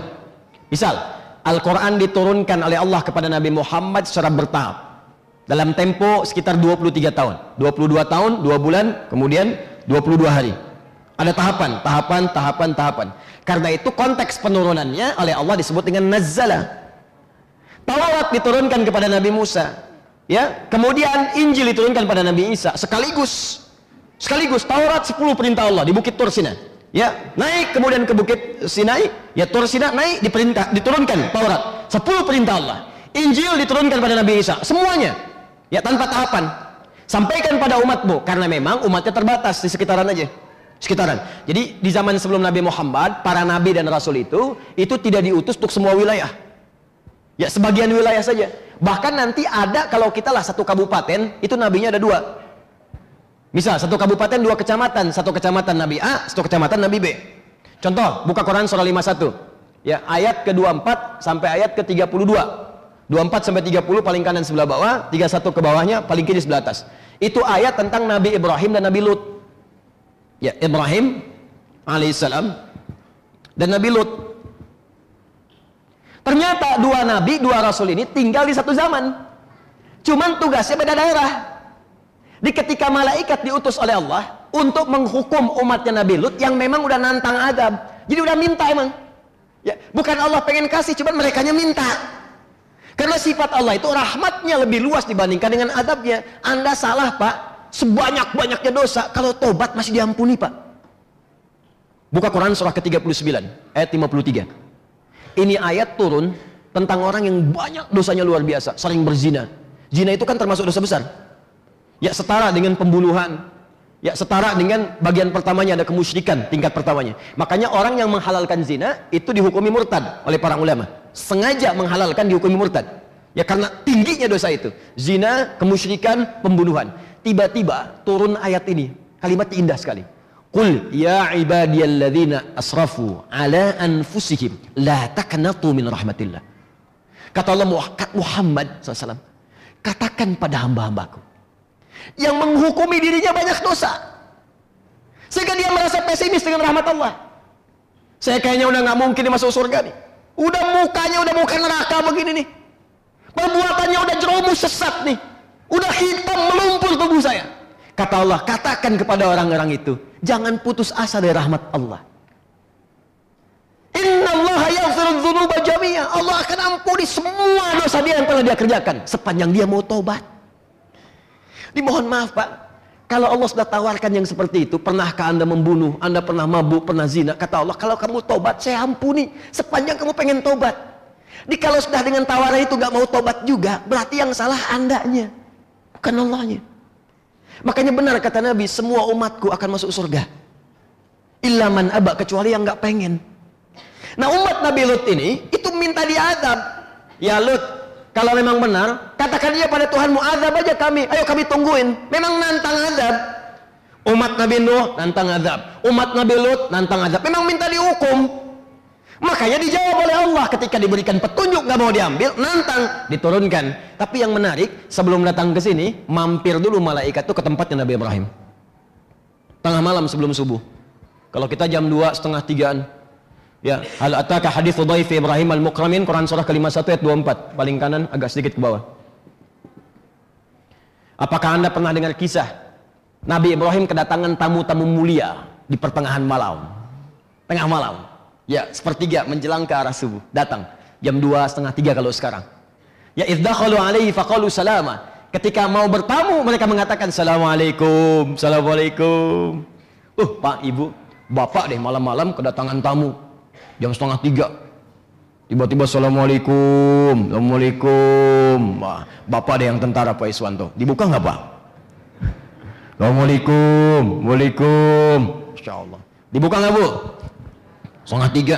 Tiba-tiba ibu lihat jendela dulu dibuka intip begini. Wih masya Allah. Lima orang buah putih baju putih rambut panjang. Assalamualaikum.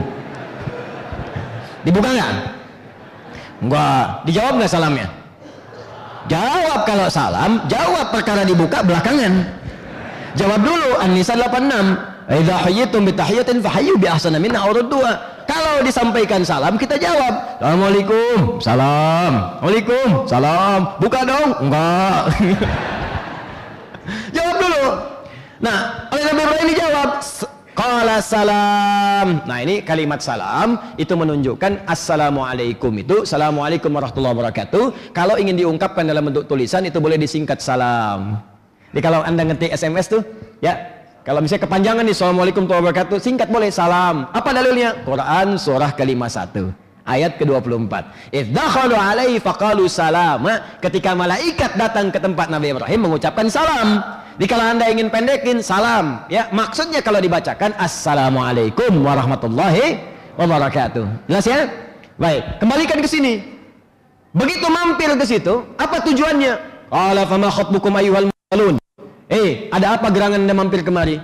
Kata para malaikat, "Inna ursilna ila qaumi mujrimin." Kamu diutus oleh Allah untuk menghukum kepada para pendosa, kaum pendosa. Di mana tempatnya? Di tempat Nabi Lut. Di satu daerah, satu wilayah, Beda daerah, di satu masa yang sama, nabinya ada dua. Tuh. Jelas? Jadi nabi-nabi dahulu sebelum Nabi Muhammad itu, itu kalangannya terbatas, nggak mencakup semua. Nabi Muhammad, nabi yang paling mulia, diutus tanpa batas. Termasuk batas kematian. Di walaupun nabinya sudah wafat, risalahnya terus akan berjenjang, terus berlangsung sampai kehidupan itu selesai. Karena ketika diutus kalimatnya beda dengan nabi-nabi lain. Wa ma arsalnaka illa lil alamin untuk semua alam tanpa batas. Nabi Isa hanya di Palestina saja. Palestina pun terbatas. Ya makanya kalau ada umat Nabi Isa sampai ke Indonesia kejauhan. Ya. Nah, kemudian Nabi Musa terbatas. Ya, kemudian Nabi Yusuf terbatas. Bahkan hijrah dari Palestina ke Mesir terbatas. Nabi Muhammad tanpa batas. Nah, karena terbatas, kalimat Qur'annya pun diberikan gambaran dengan kitab yang isinya terbatas. Kalimatnya singkat, sampaikan 10 perintah saja Sampaikan sekian perintah saja langsung tanpa tahapan karena itu kalimatnya menggunakan anzala. Al-Quran menggunakan nazzala. Buka Quran surah ketiga Ali Imran ayat ketiga.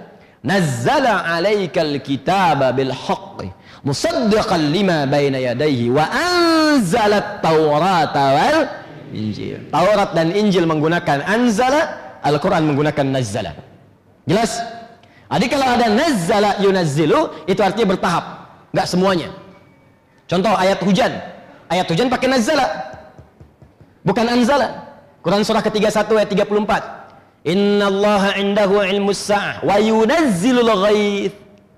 Hanya Allah yang tahu kapan kiamat terjadi dan hanya Allah yang mengatur cuaca termasuk menurunkan hujan. Makanya sekarang tidak ada kepastian cuaca, yang ada adalah perkiraan cuaca gelap kilat menyambar-nyambar dar dar dar hujan enggak udah itu terang lagi yang enggak ada kilat hujan makanya kalimatnya menggunakan nazala yunazzilu kalau kalimatnya menggunakan anzala wa yunzilul ghais itu artinya sebumi hujan semua. Banjir bumi ya.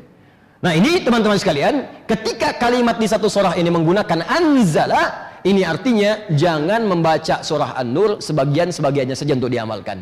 Ambil semuanya keseluruhannya saya turunkan kata Allah, sesurat ini yang penting jadi cahaya, bukan sebagian-sebagiannya. Karena itu menggunakan kalimatnya anzala bukan nazala. Nah, ini ngajinya begini. Ya, pakai ilmu sorobnya. Terus, wa faradnaha. Wa-nya itu ma'iyah. Ya, kita pakai pakai ilmu nahu, ngajinya yang betul. Ya, kita insya Allah betul-betul ngaji ini ya. Wa harfu atfin rabitin baina syai'aini Bimakna al-ma'iyah. Huruf yang menjandingkan antara dua peristiwa yang bergandengan, tak bisa dipisahkan. Antara satu dengan dua harus nyambung. Ya, tapi ada jarak, nggak langsung. Bisa bersamaan, bisa ada jarak. Kalau tidak ada jarak menggunakan fa, fa, fa, fa, ya. Nah, kalau tidak ada jarak, kan fa. Ini. Misal, misal, Dhahaba Ahmadu ila Jami al-Hikmah fa Muhammad. Ahmad pergi ke Masjid Al-Hikmah lalu diikuti oleh Muhammad menggunakan fa. Maka antara Ahmad yang pergi dengan Muhammad nggak ada jarak. Begitu Ahmad keluar, Muhammad langsung ikut di belakang. Nempel. Nah, ini dua peristiwa. Contoh, Nabi Zakaria pernah berdoa dalam sholat. Ya, Ya Allah, saya minta keturunan. Orang mengatakan saya nggak mungkin punya keturunan. Maka saya minta kepadamu saja yang tidak punya batas dalam pengabulan. Begitu beliau meminta, sedang berdiri dalam sholatnya. Bahasanya berdiri imun. Sedang sholat yusolli. Baru selesai mintanya, belum selesai sholatnya. Belum selesai. Di baru selesai minta, langsung turun jawaban. Doa kamu dikabulkan. Turun malaikat mengatakan kau akan punya anak. Namanya Yahya. Bahasanya menggunakan fa. Buka Quran surah ketiga Ali Imran ayat 38 sampai 39. Yang tiga delapannya yang mintanya. Qala rabbi habli min ladunka dzurriyyatan thayyibah innaka sami'ud du'a. Begitu selesai berdoa, belum selesai salatnya, turun malaikat pakai fa. Fanadatul malaikatu wa huwa qaimun yusalli fil mihrab. Maka langsung turun malaikat, sedangkan beliau masih sholat di mihrabnya, belum selesai sholatnya, baru selesai doanya. Kalau pakai wau, pakai wau, mungkin dikabulkannya habis selesai sholat. Atau saat sujud baru dikabulkan. Doanya berdiri dikabulkan saat sujud. Doanya dalam sholat dikabulkan pasca sholat. Mungkin pakai wau. Tapi kalau pakai fa, langsung seketika. Ya, awas ini ini saya sampaikan ini karena penting. Kalau baca Quran, baca hadis, menemukan huruf ini, langsung praktekkan maknanya. Ya, An-Nasai nomor hadis 886. Kalau Anda mengangkat tangan, boleh sejajar dengan bahu di Al-Bukhari, hadraman kifai, atas sejajar dengan daun telinga di An-Nasai nomor hadis 1101. Begitu Anda mengangkat di 886-nya, fawadha'a yadahul yumna 'alal yusra. Maka segera meletakkan telapak tangan yang kanan di punggung yang kiri begini. Pakai fa. Di antara ngangkat dengan meletakkan langsung ini menandakan tidak ada gerakan lain. Ya ini menandakan tidak ada gerakan lain. Jadi begitu anda takbir Allahu Akbar langsung yang kanan letakkan di kiri. Jadi kanan yang ini letakkan di kiri. Boleh begini pas boleh pergelangan ketemu pergelangan rusgun ala rusgin begini ya boleh kemudian sa'id lebih sedikit ke sini. Ya, jadi begini, begini, pergelangan dengan pergelangan, tapi langsung Bu ya, nggak diukur. Allah. sampai sini. Dan nggak boleh di sini, awas. Nggak boleh di sini sampai siku. Subuh-subuh ke puncak, sholat begini misalnya kan. Nah, ini nggak boleh. Kata Nabi, jangan engkau bersedekap seperti orang sombong. Ya, yang dia meletakkan telapak tangannya di di sikunya. Jadi begini. Ngawasin proyek di. Nah, ini nggak boleh, sampai sini saja. Nah, tapi antara ngangkat dengan nutup seketika pakai fa. Nah, eh, karena itu mohon izin ya, karena itu kalau sudah jelas seperti ini, maka Anda tidak perlu membuat gerakan baru. Kecuali mungkin saya yang kurang pengetahuan ada hadis lain. Karena saya pernah mendengar Ustadz gak enak lah. Kiri itu kan nggak bagus, kanan itu bagus, yang positif. Nggak bagus kalau kiri duluan menghadap Allah, kanan dulu. Begitu takbir, kanan dulu masuk, baru kiri tutup begini. Jadi Allah angkat begini, kadang-kadang kaki naik dikit tuh kan. Nah, itu uh, saya belum temukan hadisnya. Jadi tidak tidak tidak terbiasa menyalahkan. Kita belum temukan hadisnya. Cuman saya baca, saya gali, ya itu hadis palsu pun tidak ada. Di pemalsu hadis pun tidak tertarik memasukkan hadis ini karena sudah jelas gitu. Ya. Anik sini. Kembali ke sini, ini pakai fa. Kalau pakai wau, artinya pekerjaannya bersamaan. Setelah satu pekerjaan, ada aktivitas yang lain. Pekerjaan pertama berdoa, yang kedua dikabulkan. Kalau menggunakan waw dikabulkannya ada jeda, ada jeda. Nah, sekarang lihat cara membacanya. Antara suratun anzalnaha dengan kalimat faradnaha menggunakan waw. Wa faradnaha, bukan fa faradnaha. Suratun anzalnaha wa faradnaha. Artinya apa? Kata Allah, kalau kalian sudah belajar ini satu surah, saya turunkan satu surah semuanya. Kalau kalian pelajari, kalian akan dapatkan cahaya dalam hidup dan punya pembatas dari hal-hal yang diharamkan oleh Allah. Tapi kalau ingin dapatkan cahaya itu, kata Allah, perhatikan baik-baik. Setelah kalian pelajari ini, faradnaha, kami wajibkan kalian untuk mengamalkan isinya.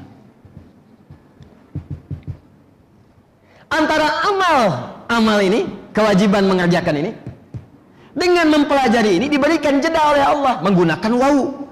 Ini menunjukkan bahwa sebelum Anda beramal sesuatu penting untuk mempelajari dulu.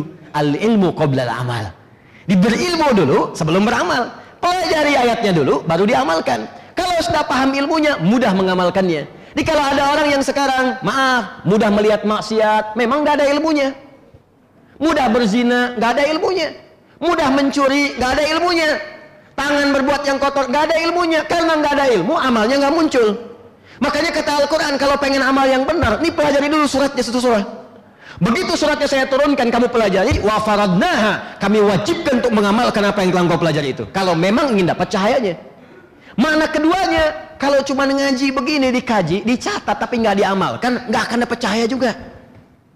Makanya wawunya ma'iyah. Ma'iyah itu bersamaan bersamaan dengan belajar ilmunya mesti diamalkan isinya kalau ingin dapat cahayanya. Jadi kalau anda cuma datang tiap bulan datang catat pahami tapi nggak diamalkan nggak akan dapat cahayanya. Makanya kalimat yang menggunakan faradnaha itu adalah kemestian yang harus dilakukan biasanya dalam konteks fikih. Jadi kalau ada kata faradha ini tuntutannya biasanya fikih atau terkait dengan muamalah interaksi kehidupan. Ada yang menggunakan kutiba, kata ba kutiba dan turunannya. Seperti puasa. Ya ayyuhalladzina amanu kutiba alaikumus. Nah, kalau kewajibannya menggunakan kutiba, ini menunjukkan kepada keteraturan dalam pelaksanaannya. Sistematis. Tersusun rapi. Dari awal sampai akhirnya. Contoh, puasa diawali dengan sahur dimulai dari fajar diakhiri sampai maghrib. Jadi nggak bisa anda misalnya oh, saya pengen puasa sampai duhur aja lah gitu kan. Duhur. Besoknya sampai asar lah. Ya lusanya duha gitu kan. Ya, yang penting nahan makan nggak bisa. Ada sistemnya. Bahkan saat puasa pun bukan cuma menahan lapar dan haus. Dibuat sistem yang rapi oleh Allah Ya, kalau kalian malamnya, ini kerjakan tarawih. Siang harinya, ini kerjakan amal soleh. Jauhi maksiat. Ini yang dilakukan, ini yang ditinggalkan. Karena sistemnya rapi dari awal sampai akhir, maka disebut kewajibannya dengan menggunakan kutiba. Kenapa nggak pakai faroba ya Ustadz? Karena puasa itu udah dikenal. Udah paham semua. Di sebelum ada ayat ini pun, orang-orang Yahudi sudah puasa. Nasrani sudah puasa. Bahkan yang Hindu punya puasanya. Yang Buddha punya puasanya. Ya, orang-orang Yunani ada puasanya. Sudah kenal dengan puasa, tapi tidak semulia dengan Ramadan yang diturunkan oleh Allah Subhanahu wa taala. Kata Allah, saya akan turunkan satu puasa yang beda sistemnya dengan yang lain, yang rapi susunannya, yang sempurna pahala dan batas-batas serta manfaat dalam kehidupannya. Tapi kalau ada kalimat yang menggunakan kata faradha dan furidha, maka yang ditekankan pengamalan fikihnya. Amalkan ya, amalkan. Yang paling dahsyat solat. Karena sholat itu menggabungkan keduanya. Disebutkan kata-kata baknya atau turunan dari kata itu dan disebutkan kata faradhanya. Buka Quran surah keempat ayat 103. Paling kanan pertengahan. Sholat ini menggabungkan dua kata ini. Yuk kita baca ayatnya. Fa'idha qadaytumus salata. Kalau anda sudah selesai menunaikan solat fadhkurullaha maka segera berzikir kepada Allah. Jadi kalau sudah selesai salat, Assalamualaikum warahmatullah, Assalamualaikum warahmatullah, zikir. Zikir itu banyak. Ada kalimat thayyibah subhanallah alhamdulillah astagfirullahaladzim astagfirullahaladzim astagfirullahaladzim la ilaha illa huwal hayyul wa atubu ilaih atau kalau mau singkat astagfirullah astagfirullah astagfirullah Allahumma antas salam minkas salam tabarak ya dzal jalali wal ikram yang singkat kalau mau dipadukan dengan doa yang lain, Allahumma antas salam minkas salam wa ilaika ya'udus salam fa hayna rabbana bis salam wa dakhilna jannata dar salam. Tabarak ya jalali wal ikram. Ya yang singkat tadi ada di hadis Muslim hadis 571. La ilaha illallah wa la syarikalah, mulku wa ala kulli syai'in qadir. Hadis Muslim hadis 573. Ya, masuk kemudian ke subhanallah, Allahu akbar, al-ikhlas, falak, an-nas, ayat kursi dan sebagainya. Jadi zikir itu bisa thayyibah, ya baca Quran itu zikir. Quran surah ke-15 ayat 9. Mengulang Quran itu zikir mengulang, menghafal Quran surah ke-4 ayat 17, 22, 32, 40 zikir. Berdoa zikir, makanya boleh salat berdoa karena doa disebut zikir. Ya, Quran surah ke-7 ayat 205. Wazkur rabbaka fi nafsika tadarruan wa khifatan wa dunal jahri minal qaul. Boleh. Makanya Nabi pun berdoa setelah salat. Di mana ditemukannya? Buka Ibnu Majah, nomor hadis 925. Doa Nabi singkat dan padat. Ya, kalau memang itu diperlukan sama. Allahumma inni as'aluka ilman nafi'a wa rizqan thayyiba wa amalan mutaqabbala. Kalau Anda pengen yang lain karena belum ada yang disebutkan di zaman Nabi, silahkan tambahkan. Zaman Nabi nggak ada ujian, UAN nggak ada, UAS nggak ada, UMPTN nggak ada. Anda sedang kuliah, pengen doa, setelah sholat silahkan. Ya Allah mudahkan ujian saya ya Allah. Ya, tapi yang bagus. Eh, jangan anda sendirian. Ya Allah mudahkan untuk saya sulitkan bagi yang lain ya Allah. Luluskan saya yang lain jangan ya Allah. Supaya saya nggak ada saingan. nggak boleh. Minta yang baik-baik. Minta, minta, minta. Boleh. Silahkan. Nah, yang paling menarik. Fadhkurullaha qiyaman wa qu'udan wa ala junubikum. Kalau anda selesai sholat, walaupun buru-buru, tidak menghalangi anda untuk zikir. Anda pengen cepat-cepat ada dinas, ada pekerjaan, tapi kan sambil jalan bisa berzikir. Apa nggak bisa dari berdiri sampai ke tiang masjid sana baca istighfar, astagfirullah, astagfirullah, astagfirullah. Sambil ke mobil, subhanallah, subhanallah, subhanallah. Sambil berjalan silakan. Duduk kalau tenang silakan. Sambil baring silakan. Faidat ma'nantum fa'aqimus salah. Kalau sudah tenang, enak, tunaikan salat dengan nyaman, termasuk salat sunnah. Ujung ayatnya, lihat ujung ayatnya. Inna salata kanat 'alal mu'minina kitabam mauquta. Pakai kitab. Sungguh salat itu bagi orang-orang beriman kata Allah saya tetapkan waktu yang sangat teratur. Aturannya tentang waktunya disebut menggunakan kitab. Kitab mauquta dari kata apa? Waktunya disusun isya malam nih. Ya, awas maghrib menjelang malam, zuhur siang-siang, asar ke tengah sore, subuh subuh disebut sholat subuh, subuh sampai isya teratur. Bahkan kalau mau dijama diatur. Yang boleh dijama yang berdekatan. Eh, zuhur ke asar silahkan. Asar ke maghrib karena zuhur udah dengan asar, asar nggak bisa ke maghrib, maghrib dengan isya. Subuh diletakkan paling jauh, jauh ke Isya, jauh ke Zuhur. Makanya nggak bisa jamak Zuhur dengan subuh. Entar saya jamak aja deh, itu kesiangan namanya. Ya. Jamak Zuhur dengan tahajud nggak bisa, subuh dengan tahajud nggak bisa dijamak. Karena itu letaknya jauh, diatur waktunya. Bahkan ketika ditekankan kalimatnya menggunakan farada, innalladzi farada 'alaikal qur'ana laradduka ila ma'ad. Kata Allah Muhammad, aku yang mewajibkan semua hukum dalam Al-Quran, aku pasti akan mengembalikan engkau pada kematian. Nabi pun itu ditegaskan oleh Allah Muhammad. Kalaupun kami nabi, kamu nabi tetap kamu beramal. Dan saya wajibkan kau beramal. Anda bayangkan ya, Nabi Muhammad itu orang paling takwa, terjamin surga. Ini satu-satunya nabi yang sebelum wafat surganya sesurat turun. Sebelum wafat turun sesurat. Inna a'tainakal kautsar fasalli li rabbika wan har inna syani'aka huwal abtar. Itu satu surah tentang surga. Makanya Al-Imam Asy-Syafi'i Al-Imam Asy-Syafi'i berfatwa dengan bismillah dijaharkan di dalam salat karena mengambil riwayat ketika hadis ini turun. Kata Nabi, Nabi tersenyum tuh. Sahabat tanya, "Kenapa Rasulullah kau tersenyum?" Kata Nabi, "Barusan turun satu surat kepadaku, Bismillahirrahmanirrahim. Inna a'tainakal kautsar. Fasalli li rabbika wanhar. Inna syani'aka huwal abdal. Kata Imam Asy-Syafi'i, karena Nabi Muhammad ketika membaca salat itu menggunakan bismillahirrahmanirrahim dengan kalimat jahar, maka beliau berfatwa dengan jahar. Ahmad bin Hambal dengan sir, silent. Ya, Imam Malik, Imam Abu Hanifah tidak membacakannya. Abu Hurairah baca rakaat pertama jahar, selanjutnya tidak karena ada 70 hadis tentang basmalah di sini. Tapi poinnya surah Al-Kautsar, surah satu surah yang diturunkan menjamin nabi masuk surga dengan semua kenikmatan yang paling indah. Satu-satunya nabi yang akan diberikan nikmat surga sampai merasa puas Nabi Muhammad. Di surat Ad-Duha, "Wala saufa yu'tika rabbuka fatarda." Muhammad jangan khawatir, entar kalau sudah ke surga, saya berikan kau nikmat sampai puas. Padahal kaidah nikmat itu nggak ada yang puas. Orang tuh kalau sudah dapat nikmat nggak pernah puas bu, pak. Nih saya contoh ya. Anda tuh dapat sepeda nikmat bukan? Nikmat. Kalau sudah dapat sepeda puas nggak? Biasanya kalau dapat sepeda pengen apa? Motor. Makanya disebut sepeda dan motor. Disingkat sepeda motor. Udah punya motor pengen apa? Mobil. Udah punya mobil pengen apa? Kereta. Naruh di mana? Udah pengen kereta, pengen pesawat, nggak pernah puas. Jadi sifat nikmat tuh kalau diberikan selalu pengen nambah, nambah, nambah, nambah, nambah, nambah. Tapi kata Allah, saya akan berikan padamu Muhammad nikmat di surga sampai kamu puas. Sampai mengatakan saya saya ya Allah, saya puas. Tingkat paling tinggi cuma Nabi Muhammad. Tapi sedahsyat nikmat itu pun tetap ada ketegasan dari Allah. Kata Allah, Innalladzi farada alaikal Quran, farada alaikal Quran, wa raduka ilal. Muhammad walaupun statusmu nabi, statusmu rasul, tetap aku wajibkan engkau untuk beribadah sesuai dengan semua syariatku. Dan ingat, engkau akan wafat. Nabi aja disebutkan kalimat begitu, apalagi kita yang bukan nabi. Tunjukkan pada saya ada ayat yang menjamin Anda langsung masuk surga. Tunjukkan pada saya ada ayat yang mengatakan pada Anda, engkau Joni, saya akan masukkan ke surga sampai puas misalnya. Enggak ada. Karena itu tuntutan beramal lebih maksimal pada kita. Yang paling dahsyat, sholat menggunakan faradha pada kewajibannya dan menggunakan keteraturan pada waktunya. Makanya kalau ada orang yang nggak sholat tuh aneh. Kayak Haji Hashim bin Asyari, pendiri Nahdlatul Ulama, beliau punya kitab 19 kitab. Ya, saya, saya menghafal kitabnya. Di kitab yang kedua, itu ada kitab namanya Risalah Ahlu Sunnah wal Jamaah. Risalah Ahlu Sunnah wal Jamaah. Di halaman ke-11, paling kiri sebelah bawah, di paragraf yang ketiga bari 1 sampai 3. Itu beliau mewanti-wanti. Wa minhumul abahiyuna. Kata beliau di Jawa itu pada tahun 1333 Hijrah. Di sekarang 1000 sudah 1400 berapa?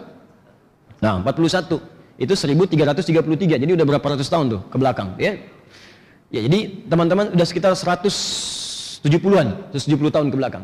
Kata beliau, pada masa itu sudah ada yang aneh di Jawa. Apa di antara keanehannya? Wa minhumul abahiyun, ada aliran disebut dengan abahiyun. Siapa aliran abahiyun itu? Mereka adalah orang-orang yang kelihatan rajin zikir. Di, kelihatannya rajin zikir. Zikir. Tapi anehnya, ya, yang paling aneh itu mereka menyimpulkan wala yantabiqu alaihim al-amru wan nahyu. Karena sudah merasa tinggi puncak zikirnya, merasa dekat dengan Allah, wasafa qalbuhu dan merasa bersih hatinya. Saking merasa dekat dengan Allah, kesimpulannya konslet. Ya, apa di antara kesimpulannya? Udah nggak berlaku lagi perintah dengan larangan. Dia sudah nggak ada perintah lagi karena sudah tinggi, sudah dekat dengan Allah. Nih saya udah dekat nih. Jadi perintah sholat udah nggak berlaku lagi. Di sholat itu hanya berlaku bagi yang masih latihan. Tuh, saya latihan, anda latihan tuh. Latihan. Kalau sudah dekat dengan Allah, ah, udah nggak perlu sholat lagi. Makanya nanti anda temukan orang-orang seperti ini kelihatannya rajin zikir. Begitu tiba waktu sholat, Allahu Akbar, Allahu Akbar. Anda tanya, Pak Kiai, ini sudah waktunya sholat apa nggak sholat dulu? Ada yang masih latihan. Kalau bapak, fisiknya di sini, rohnya sedang sholat. Kata Kiai Hasim, itu adalah aliran yang sesat dan menyesatkan. Tinggalkan. Tinggalkan. Sekarang kalimat itu di copy paste sama orang liberal. Saya pernah ditanya sama orang liberal, Ustaz, sholat itu kan mencegah perbuatan keji dan mungkar. Jadi kalau sudah kita bebas dari perbuatan keji dan mungkar, ya nggak usah sholat lagi. Saya bilang, Mas, meninggalkan sholat itu termasuk perbuatan mungkar. Dah, selesai. kita tinggalin aja, udah.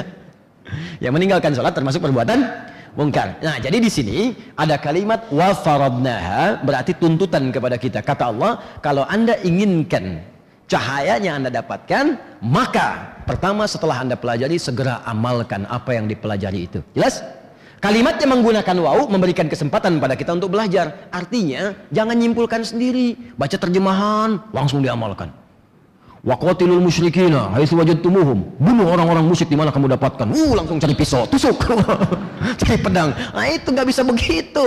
Cari ilmu dulu. Tanya para ulama. Ya, Ibnu Majah nomor hadis 233. Wa innal ulama warathatul anbiya. Dan para ulama itu pewarisnya Nabi. Ulama itu pewaris Nabi, dekat dengan Nabi. Karena disebut pewaris Nabi, maka ada ciri ulama. Apa di antara cirinya? Ilmunya bersanad sampai ke Nabi Sallallahu Alaihi Wasallam. Makanya orang Imam Muslim menulis kitab Sahih Muslim, buka jilid pertama, halaman 119, yang terbitan dari hadis, ya warna biru dongker. Kata Imam Muslim, lihat nih, babul isnadi minaddin. Bab belajar ilmu yang sanadnya tersambung kepada Nabi, bagian yang penting dalam agama. Siapa yang punya ilmu dengan sanad? Para ulama. Para ulama dekat dengan Nabi, Anda dekat dengan saya. Anda punya anak, anak Anda diusili orang, Anda marah. Ulama dekat dengan Nabi, Anda cari masalah dengan ulama, mak Nabi marah pada Anda.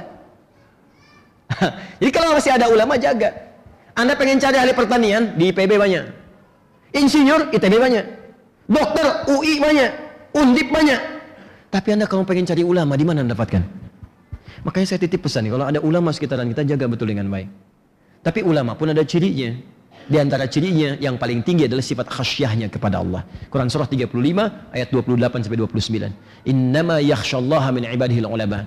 Kata Allah, ulama tidak diukur dengan gelar. Apakah kiai atau ustadz atau yang lain. Tapi ulama diukur dengan khasyahnya. Tingkat khusyuk dan takutnya kepada Allah. Ditakut kalau berfatwa melanggar ketentuan Allah. Takut kalau bicara Allah tidak riba dengan pembicaraannya. Makanya nggak ada ulama mengatakan semua agama sama menuju Tuhan yang sama cuman caranya beda-beda. Itu pasti bukan ulama. Ya makanya nggak ada ulama yang mengatakan zina itu boleh. Ya zina itu halal itu bukan ulama. Mau gelarnya S3 S4 kerupuk 2 dan lain sebagainya nggak ada. Jelas ya? Ah yang terakhir sampai sini dulu. Karena faradha tadi saya katakan terkait dengan fiqih muamalah maka surat An-Nur pun sudah diberikan kode oleh Allah. Isinya akan banyak terkait dengan aspek-aspek fikih khususnya terkait dengan muamalah. Bagaimana laki-laki bergaul dengan perempuan? Bagaimana perempuan memilih laki-laki yang punya cahaya? Ustadz, saya pengen cari suami yang soleh. Apa cirinya? Nanti anda akan temukan di surat itu. Nih, ada pria-pria yang kalau anda lihat, baru kelihatan aja itu cahaya. Udah ada bocoran dari Allah. Termasuk dari laki-laki yang belum menikah. Ya, saya doakan insya Allah cepat menikah ya. Ya, banyak amat amin ya. Ya, setidaknya sebelum kiamat kurang dua hari lah ya. Ya. Nanti ada caranya. Ya, ada cara bermuamalah dengan mata, cara bermuamalah dengan tangan. Ya, ada cara bermuamalah dengan pakaian akhwat, kapan berkerudung, bagaimana tipe kerudungnya, bagaimana pakai jilbabnya, boleh enggak dibuka jilbab, kalau pengen dibuka seperti apa keadaannya. Kalau sudah semakin sepuh, bagaimana batasan yang boleh dibukanya? Ada di sini semua. Bagaimana seorang perempuan yang walaupun sudah sepuh, 60 tahun, 70 tahun, 80 tahun, tapi masih ada cahaya dalam dirinya. Ada di sini semua. Ya, dan yang paling dahsyat di sini kita akan diajarkan bagaimana kita bermuamalah dengan Allah Subhanahu wa taala ketika kita menghadap Allah dan mendapatkan cahaya yang sempurna dari Allah. Kalau Anda sudah masuk ke level ini, Allahu Akbar. Mohon maaf ya. Anda akan menjadi bagian dari hamba yang kalaupun belum minta sudah dikabulkan oleh Allah Subhanahu wa taala. Ini baru dua dua lafad nih. Ya, belum sempurna ayatnya nih, ya. Ah, kemudian sebentar saya tutup dulu wa anzalna fiha ayatin bayyinatin la'allakum tadhakkarun. Saya tutup sampai sini dulu. Dan di ayat ini pun di surat ini kami akan turunkan keterangan-keterangan yang jelas tentang hukum-hukum ini. Perhatikan nih ketersambungan kalimatnya. Pertama kata Allah saya turunkan satu surat yang kalau engkau pelajari engkau dapat cahaya. Kedua, kalau sudah belajar engkau amalkan supaya engkau dapat cahayanya. Yang ketiga kata Allah, ini bukan sekedar saya terangkan. Ini bukan sekedar saya turunkan ayatnya, tapi pun saya terangkan keterangan-keterangannya sampai jelas. Supaya engkau tidak bingung mengamalkannya. Gini, kalau gambaran lengkapnya. Maaf ya. Kata Allah saya turunkan satu surat nih. Pelajari. Dalam mempelajari itu saya turunkan keterangannya sampai jelas. Kalau mata, begini cara menggunakannya sampai jelas. Kalau tangan, begini cara menggunakannya sampai jelas. Kalau ibadah, begini cara melakukannya sampai jelas. Dan kau amalkan semua itu. Di saya tidak akan biarkan, ya, saya tidak akan biarkan kata Allah, engkau belajar surat An-Nur ini tapi tidak mendapatkan kejelasan di dalamnya. Saya terangkan sejelas-jelasnya. Karena itu kata Imam Imamain Al-Jalalain, Al-Jalalain, ya yang dimaksud dengan bayinatin, ayatin bayinatin, wadihatid dilalah. Semua petunjuk-petunjuknya akan jelas di ayat itu. Nanti kita insya Allah akan baca, begitu masuk ke ayat yang kedua, kita akan temukan hukumnya, semuanya akan jelas tidak ambigu. Jadi anda pun kalau baca nggak akan bingung. Saya terangkan sedikit akan langsung paham. Yang dimaksud zina begini, begini, begini. Jadi kalau sudah ada bagian itu berarti zina. Di luar itu berarti bukan zina. Pezina seperti ini. Hukumannya begini. Sampai ke hukumannya disebutkan oleh Quran. Sampai hikmahnya. Kenapa saya turunkan hukum ini kata Allah? Supaya kalian bisa begini, begini, begini. Sampai sejelas-jelasnya. Tapi yang paling menarik, lihat ujung ayatnya. Saya tutup. La'allakum tadhakkarun. Kalimat tadhakkarun sebetulnya asalnya tatadhakkarun. Tapi taknya dihilangkan satu. Menjadi tadhakkarun. Yang kedua, mudah bagi Allah untuk mengatakan kalimat seperti ini. Wa anzalna ayat wa anzalna fiha ayatin bayyinatin tatadzakkarun. Tapi dibuka kalimat tadzakkarun dengan menggunakan la'allakum. Ada rahasia apa di balik la'allakum? Bahkan saking pentingnya la'allakum ini itu diperintahkan oleh Allah untuk mengakhiri ayat puasa. La'allakum tatakun. Padahal bisa Allah mengatakan misalnya tatakun tanpa la'allakum. Kenapa kemudian kata la'allakum muncul dan disebutkan di dalam Al-Quran setidaknya sebanyak 57 kali. Insya Allah kalimat la'allakum tadakkarun kita akan bahas di pertemuan berikutnya dengan izin Allah Subhanahu wa taala. Ini ada waktu sekitar 15 menit. Saya coba jawab dulu ini. Saya jawab atau saya sempurnakan dulu? Saya sempurnakan cuma butuh waktu 5 menit. 5 menit ya? Baik, nanti saya jawab ini 10 menit ya. Baik, jadi yang 2 jam saya jadikan 5 menit. Cepat. La'allakum Ah ya gitu. itu disebut harfut taraji di ilmu nahu. Ya. harfut taraji bukan taraji, taraji. Ya. Taraji. Taraji itu kata Imam As-Suyuti, pengarang kitab Al-Itqan. Taraji. Taraji itu huruf yang menunjukkan harapan tapi mustahil bisa diwujudkan kecuali Anda serius menjalankan perintah dan hukum-hukumnya. Saya ulang. Huruf yang menunjukkan harapan yang tidak akan mungkin dicapai kecuali Anda serius menunaikan ketentuan dan hukum-hukumnya. Misal, apa tujuan puasa? Tujuannya supaya takwa. Al-Baqarah ayat 183. Ya ayyuhalladzina amanu kutiba alaikumus siyam kama kutiba alal ladzina min qablikum la'allakum tattaqun. Orang puasa diharapkan takwa. Tapi sebelum masuk kalimat takwa dibuka dengan la'allakum kata Allah. Kenapa ada kata la'allakum memberi kesan kepada kita tidak semua orang puasa akan takwa. Kecuali yang puasa itu serius menjalani hukum puasanya. Aturan yang berlaku saat puasa. Kata Allah saat puasa, tingkatkan ibadah, tingkatkan. Kalau Anda tingkatkan, Anda akan takwa. Nggak ditingkatkan, nggak akan takwa. Makanya banyak hadis-hadis palsu ber berkeliaran supaya kita nggak maksimal ibadah. Tidur orang puasa adalah ibadah. Pernah pernah dengar hadis itu? Ah, itu hadis palsu. Jadi, habis sahur tidur lagi, ya. Habis subuh tidur lagi. Bahkan ada yang baru sahur dan nanya, buka jam berapa? Baru sahur. Yang seperti itu sulit dapat takwa. Kenapa? Karena aturan gak diikuti. Kata Allah jaga, jaga, tahan perbuatan maksiat. Puasa menahan maksiat. Makanya orang sejahat apa pun, kalau sedang puasa bisa liburan pak. Ya, koruptor tuh libur dulu korupsinya. Kalau sedang puasa. Pencuri libur dulu. Bahkan pemarah pun itu bisa nggak marah saat puasa. Anda bayangkan kadang-kadang ada orang marah, nggak ada sebab, nggak ada hujan, itu bisa marah. Tapi saat puasa tenang aja jam 6 kurang seperempat, jam 6 buka, jam 6 kurang seperempat diprovokasi orang.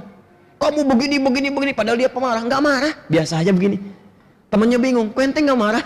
Ntar habis maghrib, maghrib tuh, maghrib lupa. Nah, jadi nggak semua orang puasa itu bisa takwa kalau saat puasanya tidak serius dia jalani. Sama persis dengan yang ini. Kata Allah saya turunkan satu surah ini supaya engkau dapat cahaya dan supaya engkau bisa dekat dengan Allah. La'allakum tadzakkarun. Asal kata kalimatnya dari kata zikir. Zikir itu kalau bahasa Indonesia-nya ingat. Zikrullah, ingat Allah. Tapi kalau dalam kosakata Al-Quran tidak pernah disebutkan zikir kecuali semua amalan yang mendekatkan diri kita dengan Allah.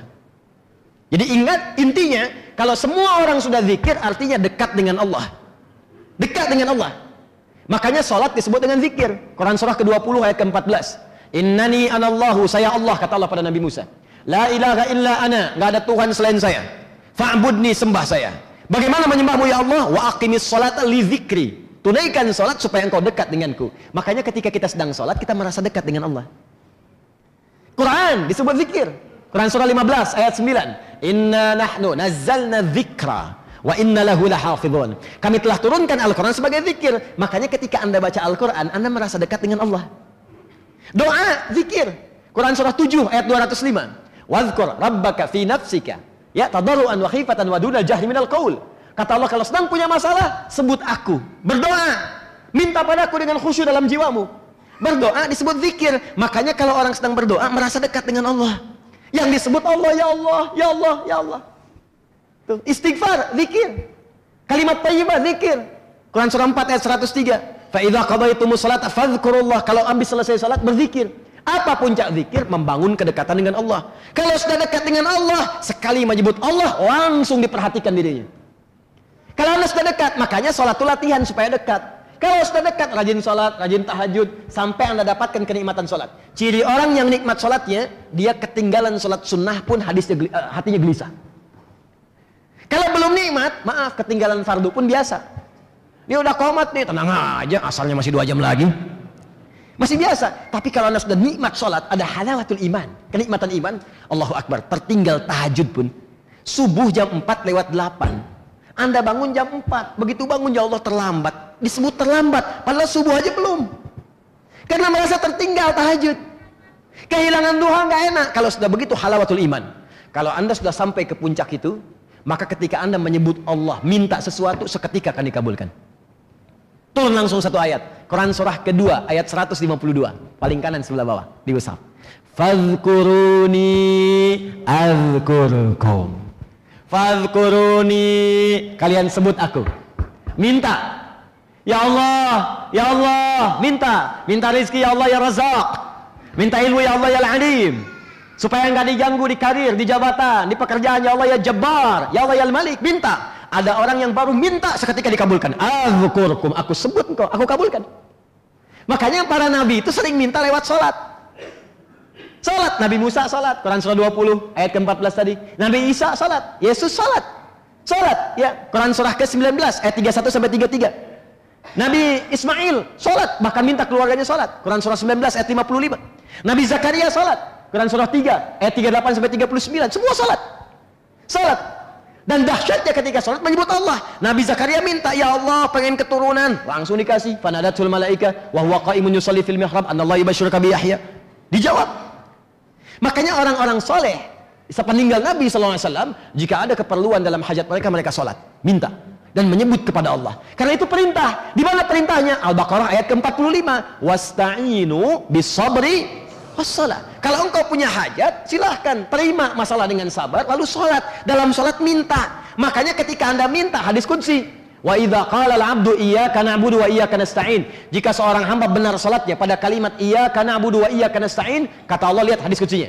Hadza baini wa baina abdi. Ini adalah perjanjian aku dengan hambaku. Wali abdi untuk hambaku kalau benar salatnya masalah apa pun yang dia minta sekarang aku akan kabulkan. Ada yang dahsyat. Ada yang dahsyat. Ada orang yang belum memohon, belum minta, baru terbersit di hatinya, langsung Allah kabulkan. Sesuai dengan kebutuhannya.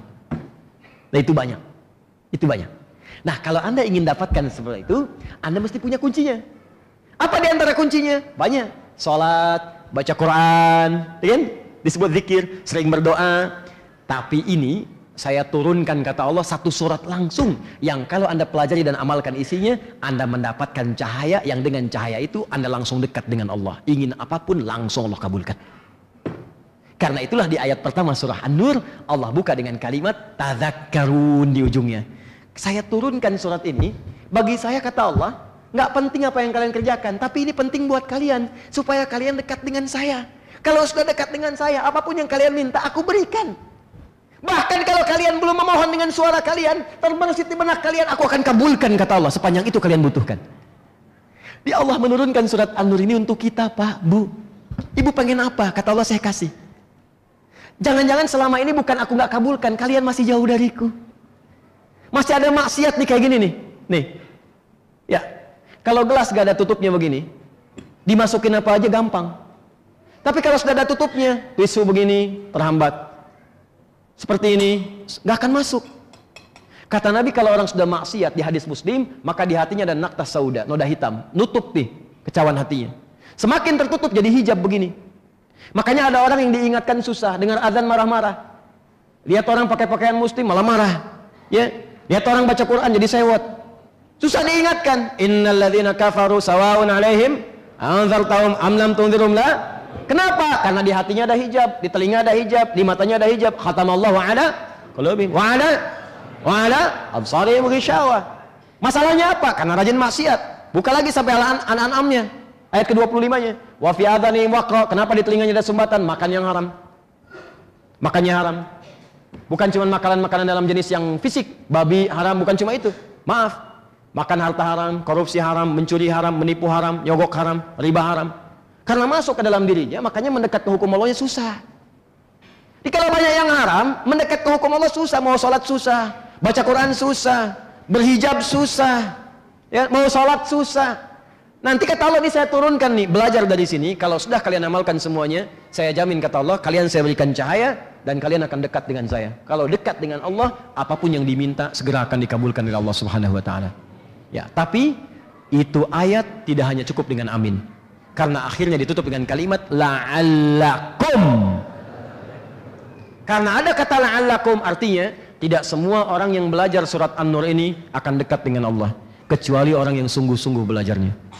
Karena itu ayat pertama ini menjadi landasan yang paling pokok. Saya ingatkan dari sekarang, mulai pertemuan berikutnya tolong serius belajarnya. Dan niatkan betul untuk mendekat kepada Allah. Jangan diniatkan karena ustadznya, Jangan diniatkan karena tempatnya. Jangan diniatkan karena orang datang saya pun batang. Tidak, niatkan karena Allah. Karena sejak Anda meniatkan itu, kemudian hisab mulai berlaku. Innamal a'malu bin niat. Jadi begitu amal diniatkan, hisab Allah langsung berlaku. Hisab itu perhitungan Allah. Langsung diberikan tuh pahalanya dan langsung diberikan jaminannya. Jadi begitu Anda tahu, oh tanggal sekian pembahasan An-Nur. Niatkan, saya akan datang karena Allah untuk merubah diri saya supaya lebih baik di hadapan Allah. Begitu Anda niatkan dicatatkan. Di jalan sebelum berangkat meninggal. Saat dicatatkan itu pahala sudah dapat walaupun Anda belum hadir di masjid. Paham? Nah, karena itulah kemudian taknya dihilangkan satu, harusnya tatadzakkarun, tapi dihilangkan salah satunya untuk dipercepat. Tadzakkarun ingin menyebutkan pesan bahwa kalau kalian sudah hafal dan mengamalkan semua isi ini, kalian akan cepat mendapatkan anugerah dari Allah Subhanahu wa taala sehingga tidak akan ada lagi sekat-sekat yang menghambat kalian mendapatkan rahmat Allah. Itulah ayatnya suratun anzalnaha wa faradnaha wa anzalna fiha ayatin bayyinatin la'allakum tadhakkarun. Kita bertanya ya Allah kami sudah enggak sabar, apa saja cahaya-cahaya itu? Apa saja perintah dan hukum-hukummu yang harus kami kerjakan dan yang harus kami tinggalkan? Kata Allah sabar. Ya, satu ayat dulu. Nanti setelah waktunya kalian siap, masuk ke ayat yang kedua, kita gali pelan-pelan dan kita amalkan pelan-pelan dengan niat ibadah. Jadi insya Allah ya pada pertemuan berikutnya kita akan masuk pada ayat yang kedua, kita akan belajar tentang hukum-hukum, tapi sekali lagi niatkan semua itu sebagai ibadah kepada Allah Subhanahu wa taala. Saya mohon izin saya jawab satu saja karena saya jam 10 sudah harus uh, ke Bintaro. Saya coba jawab salah satu di antara sekian pertanyaan ini. Nanti yang lainnya saya akan kumpulkan dijawab dalam sesi yang berbeda insya Allah ya. Oh panjang juga ini. Assalamualaikum Ustaz. Assalamualaikum terkadang diri saya bertanya-tanya ketika apa ini? Uh, mohon maaf ya. Mungkin bukan uh, tulisannya kurang jelas. Sayanya yang kurang bisa membaca dengan baik. Oh, ketika hari kiamat tiba sangkakala ditiup semua makhluk akan mati. Kemudian yang kedua Allah bangkitkan kembali. Dan terakhir penggiringan ke padang. Yang saya tanyakan Ustaz, bagaimana kehidupan malaikat setelah hari kiamat kecuali malaikat Ridwan, Malik dan Zabaniyah. Apakah malaikat hidup dan ngobrol bersama manusia di surga? Jazakallah khair. Nanti setelah meninggal kita tahu ya, insya Allah. Nanti jangan jauh-jauh dulu, ntar habis wafat baru tahu gitu ya. Habis wafat meninggal masuk. Ah, ada malaikat-malaikat yang oleh Allah kemudian diberikan kesempatan-kesempatan untuk berdialog dengan dengan manusia. Di antara contohnya Quran surah ke-13 ayat 23 sampai 24. Begitu kita masuk surga, sudah disambut oleh malaikat menyampaikan ucapan selamat. Apa kalimatnya? Salamun alaikum bima sabartum. Siapa yang mengucapkan? Malaikat. Apa dalilnya? Wal malaikatu yadkhuluna alaihim min kulli bab. Ada orang masuk surga disambut para malaikat menyambut mereka di setiap pintu surga dan mengatakan selamat Anda masuk surga. Selamat Anda masuk surga karena telah sabar dalam beribadah ketika menyembah Allah Subhanahu wa taala. Jelas sampai sini? Baik, wallahu taala adam bissawab. Baik, sebelum kita akhiri dengan berdoa kepada Allah, saya ingin sampaikan pengumuman bagi siswa-siswa kami yang telah kami seleksi, ada se-Indonesia kami seleksi untuk diberikan beasiswa. Pertama yang berangkat ke Sudan, insya Allah kami telah belikan tiketnya, visanya sudah sampai. Hari Kamis nanti akan berangkat dengan izin Allah Subhanahu wa taala. Saya titip pesan baik-baik, ya, tolong belajar dengan baik karena Anda mewakili negeri kita Indonesia banyak orang ingin berangkat, Anda 25 orang terpilih untuk gelombang belajar di sana. Ya, belajar yang serius, jangan sampai pulang kecuali sudah menjadi ulama-ulama yang baik. Anda yang menggantikan kami-kami di masa depan. Dan mohon izin yang kedua, Anda membawa nama baik bangsa. Dijaga nama baik bangsa, ya berbuat yang baik-baik, ya hubungi KBRI, lapor dengan baik, kemudian ikuti ketentuan di tempat yang berlaku, sehingga dengan itu insya Allah bisa hidup dan belajar dengan tenang.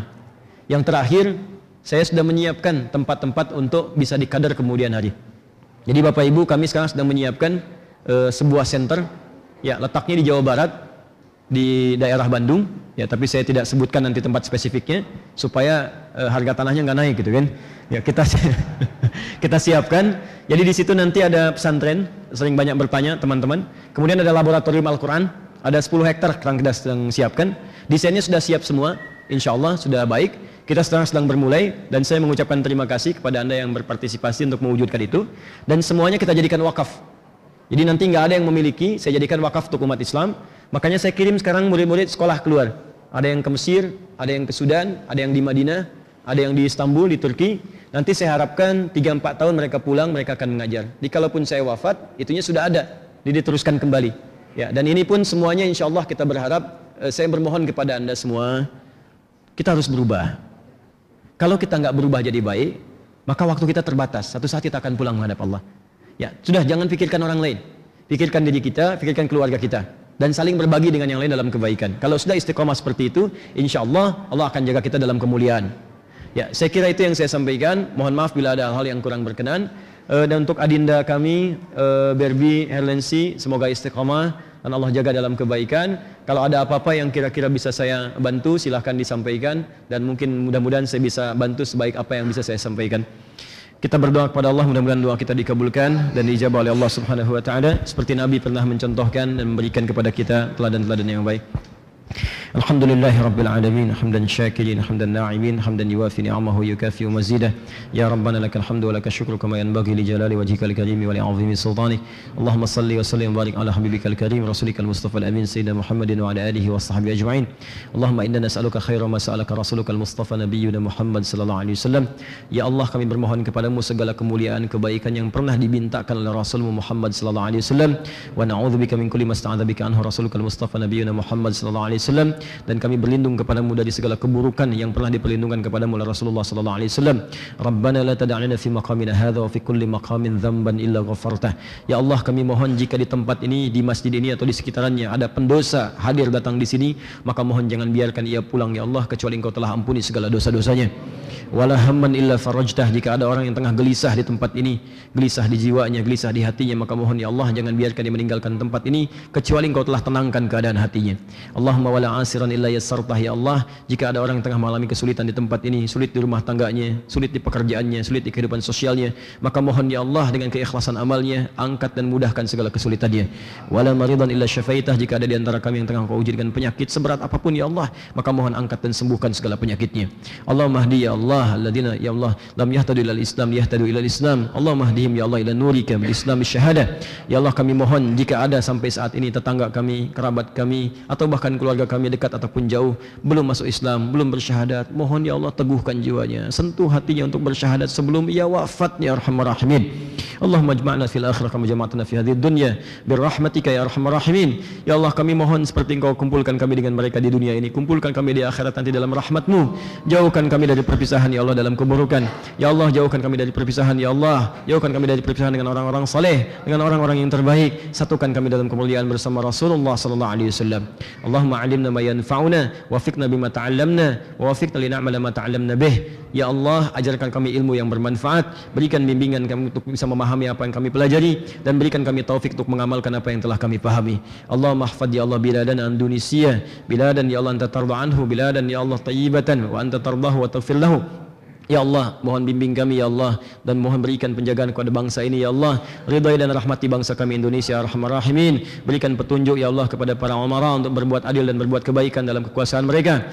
Ya Allah, maghfad ulama'ana waj'alhum mukhlasin ya Allah. Tolong jaga para ulama kami, para ustaz-ustaz, para habaib, orang-orang saleh agar mereka ikhlas dalam dakwah mereka ya Arhamar Rahimin. Allah mahfadna ya Allah wafiqna wahidna wala janibna tafraqah. Ya Allah, satukan umat Islam ya Allah khususnya di bumi Indonesia ini. Jauhkan dari perpecahan ya Arhamar Rahimin. Jauhkan dari sifat-sifat yang bisa memecah belah ya arhamar rahimin Allahumma rabbana atina fid dunya hasanah fil akhirati hasanah wa qina adhabannar bi fadlika subhana rabbika rabbil izzati amma yasifun wa akhiru da'wana alhamdulillahi rabbil alamin thumma assalamu alaikum warahmatullahi wabarakatuh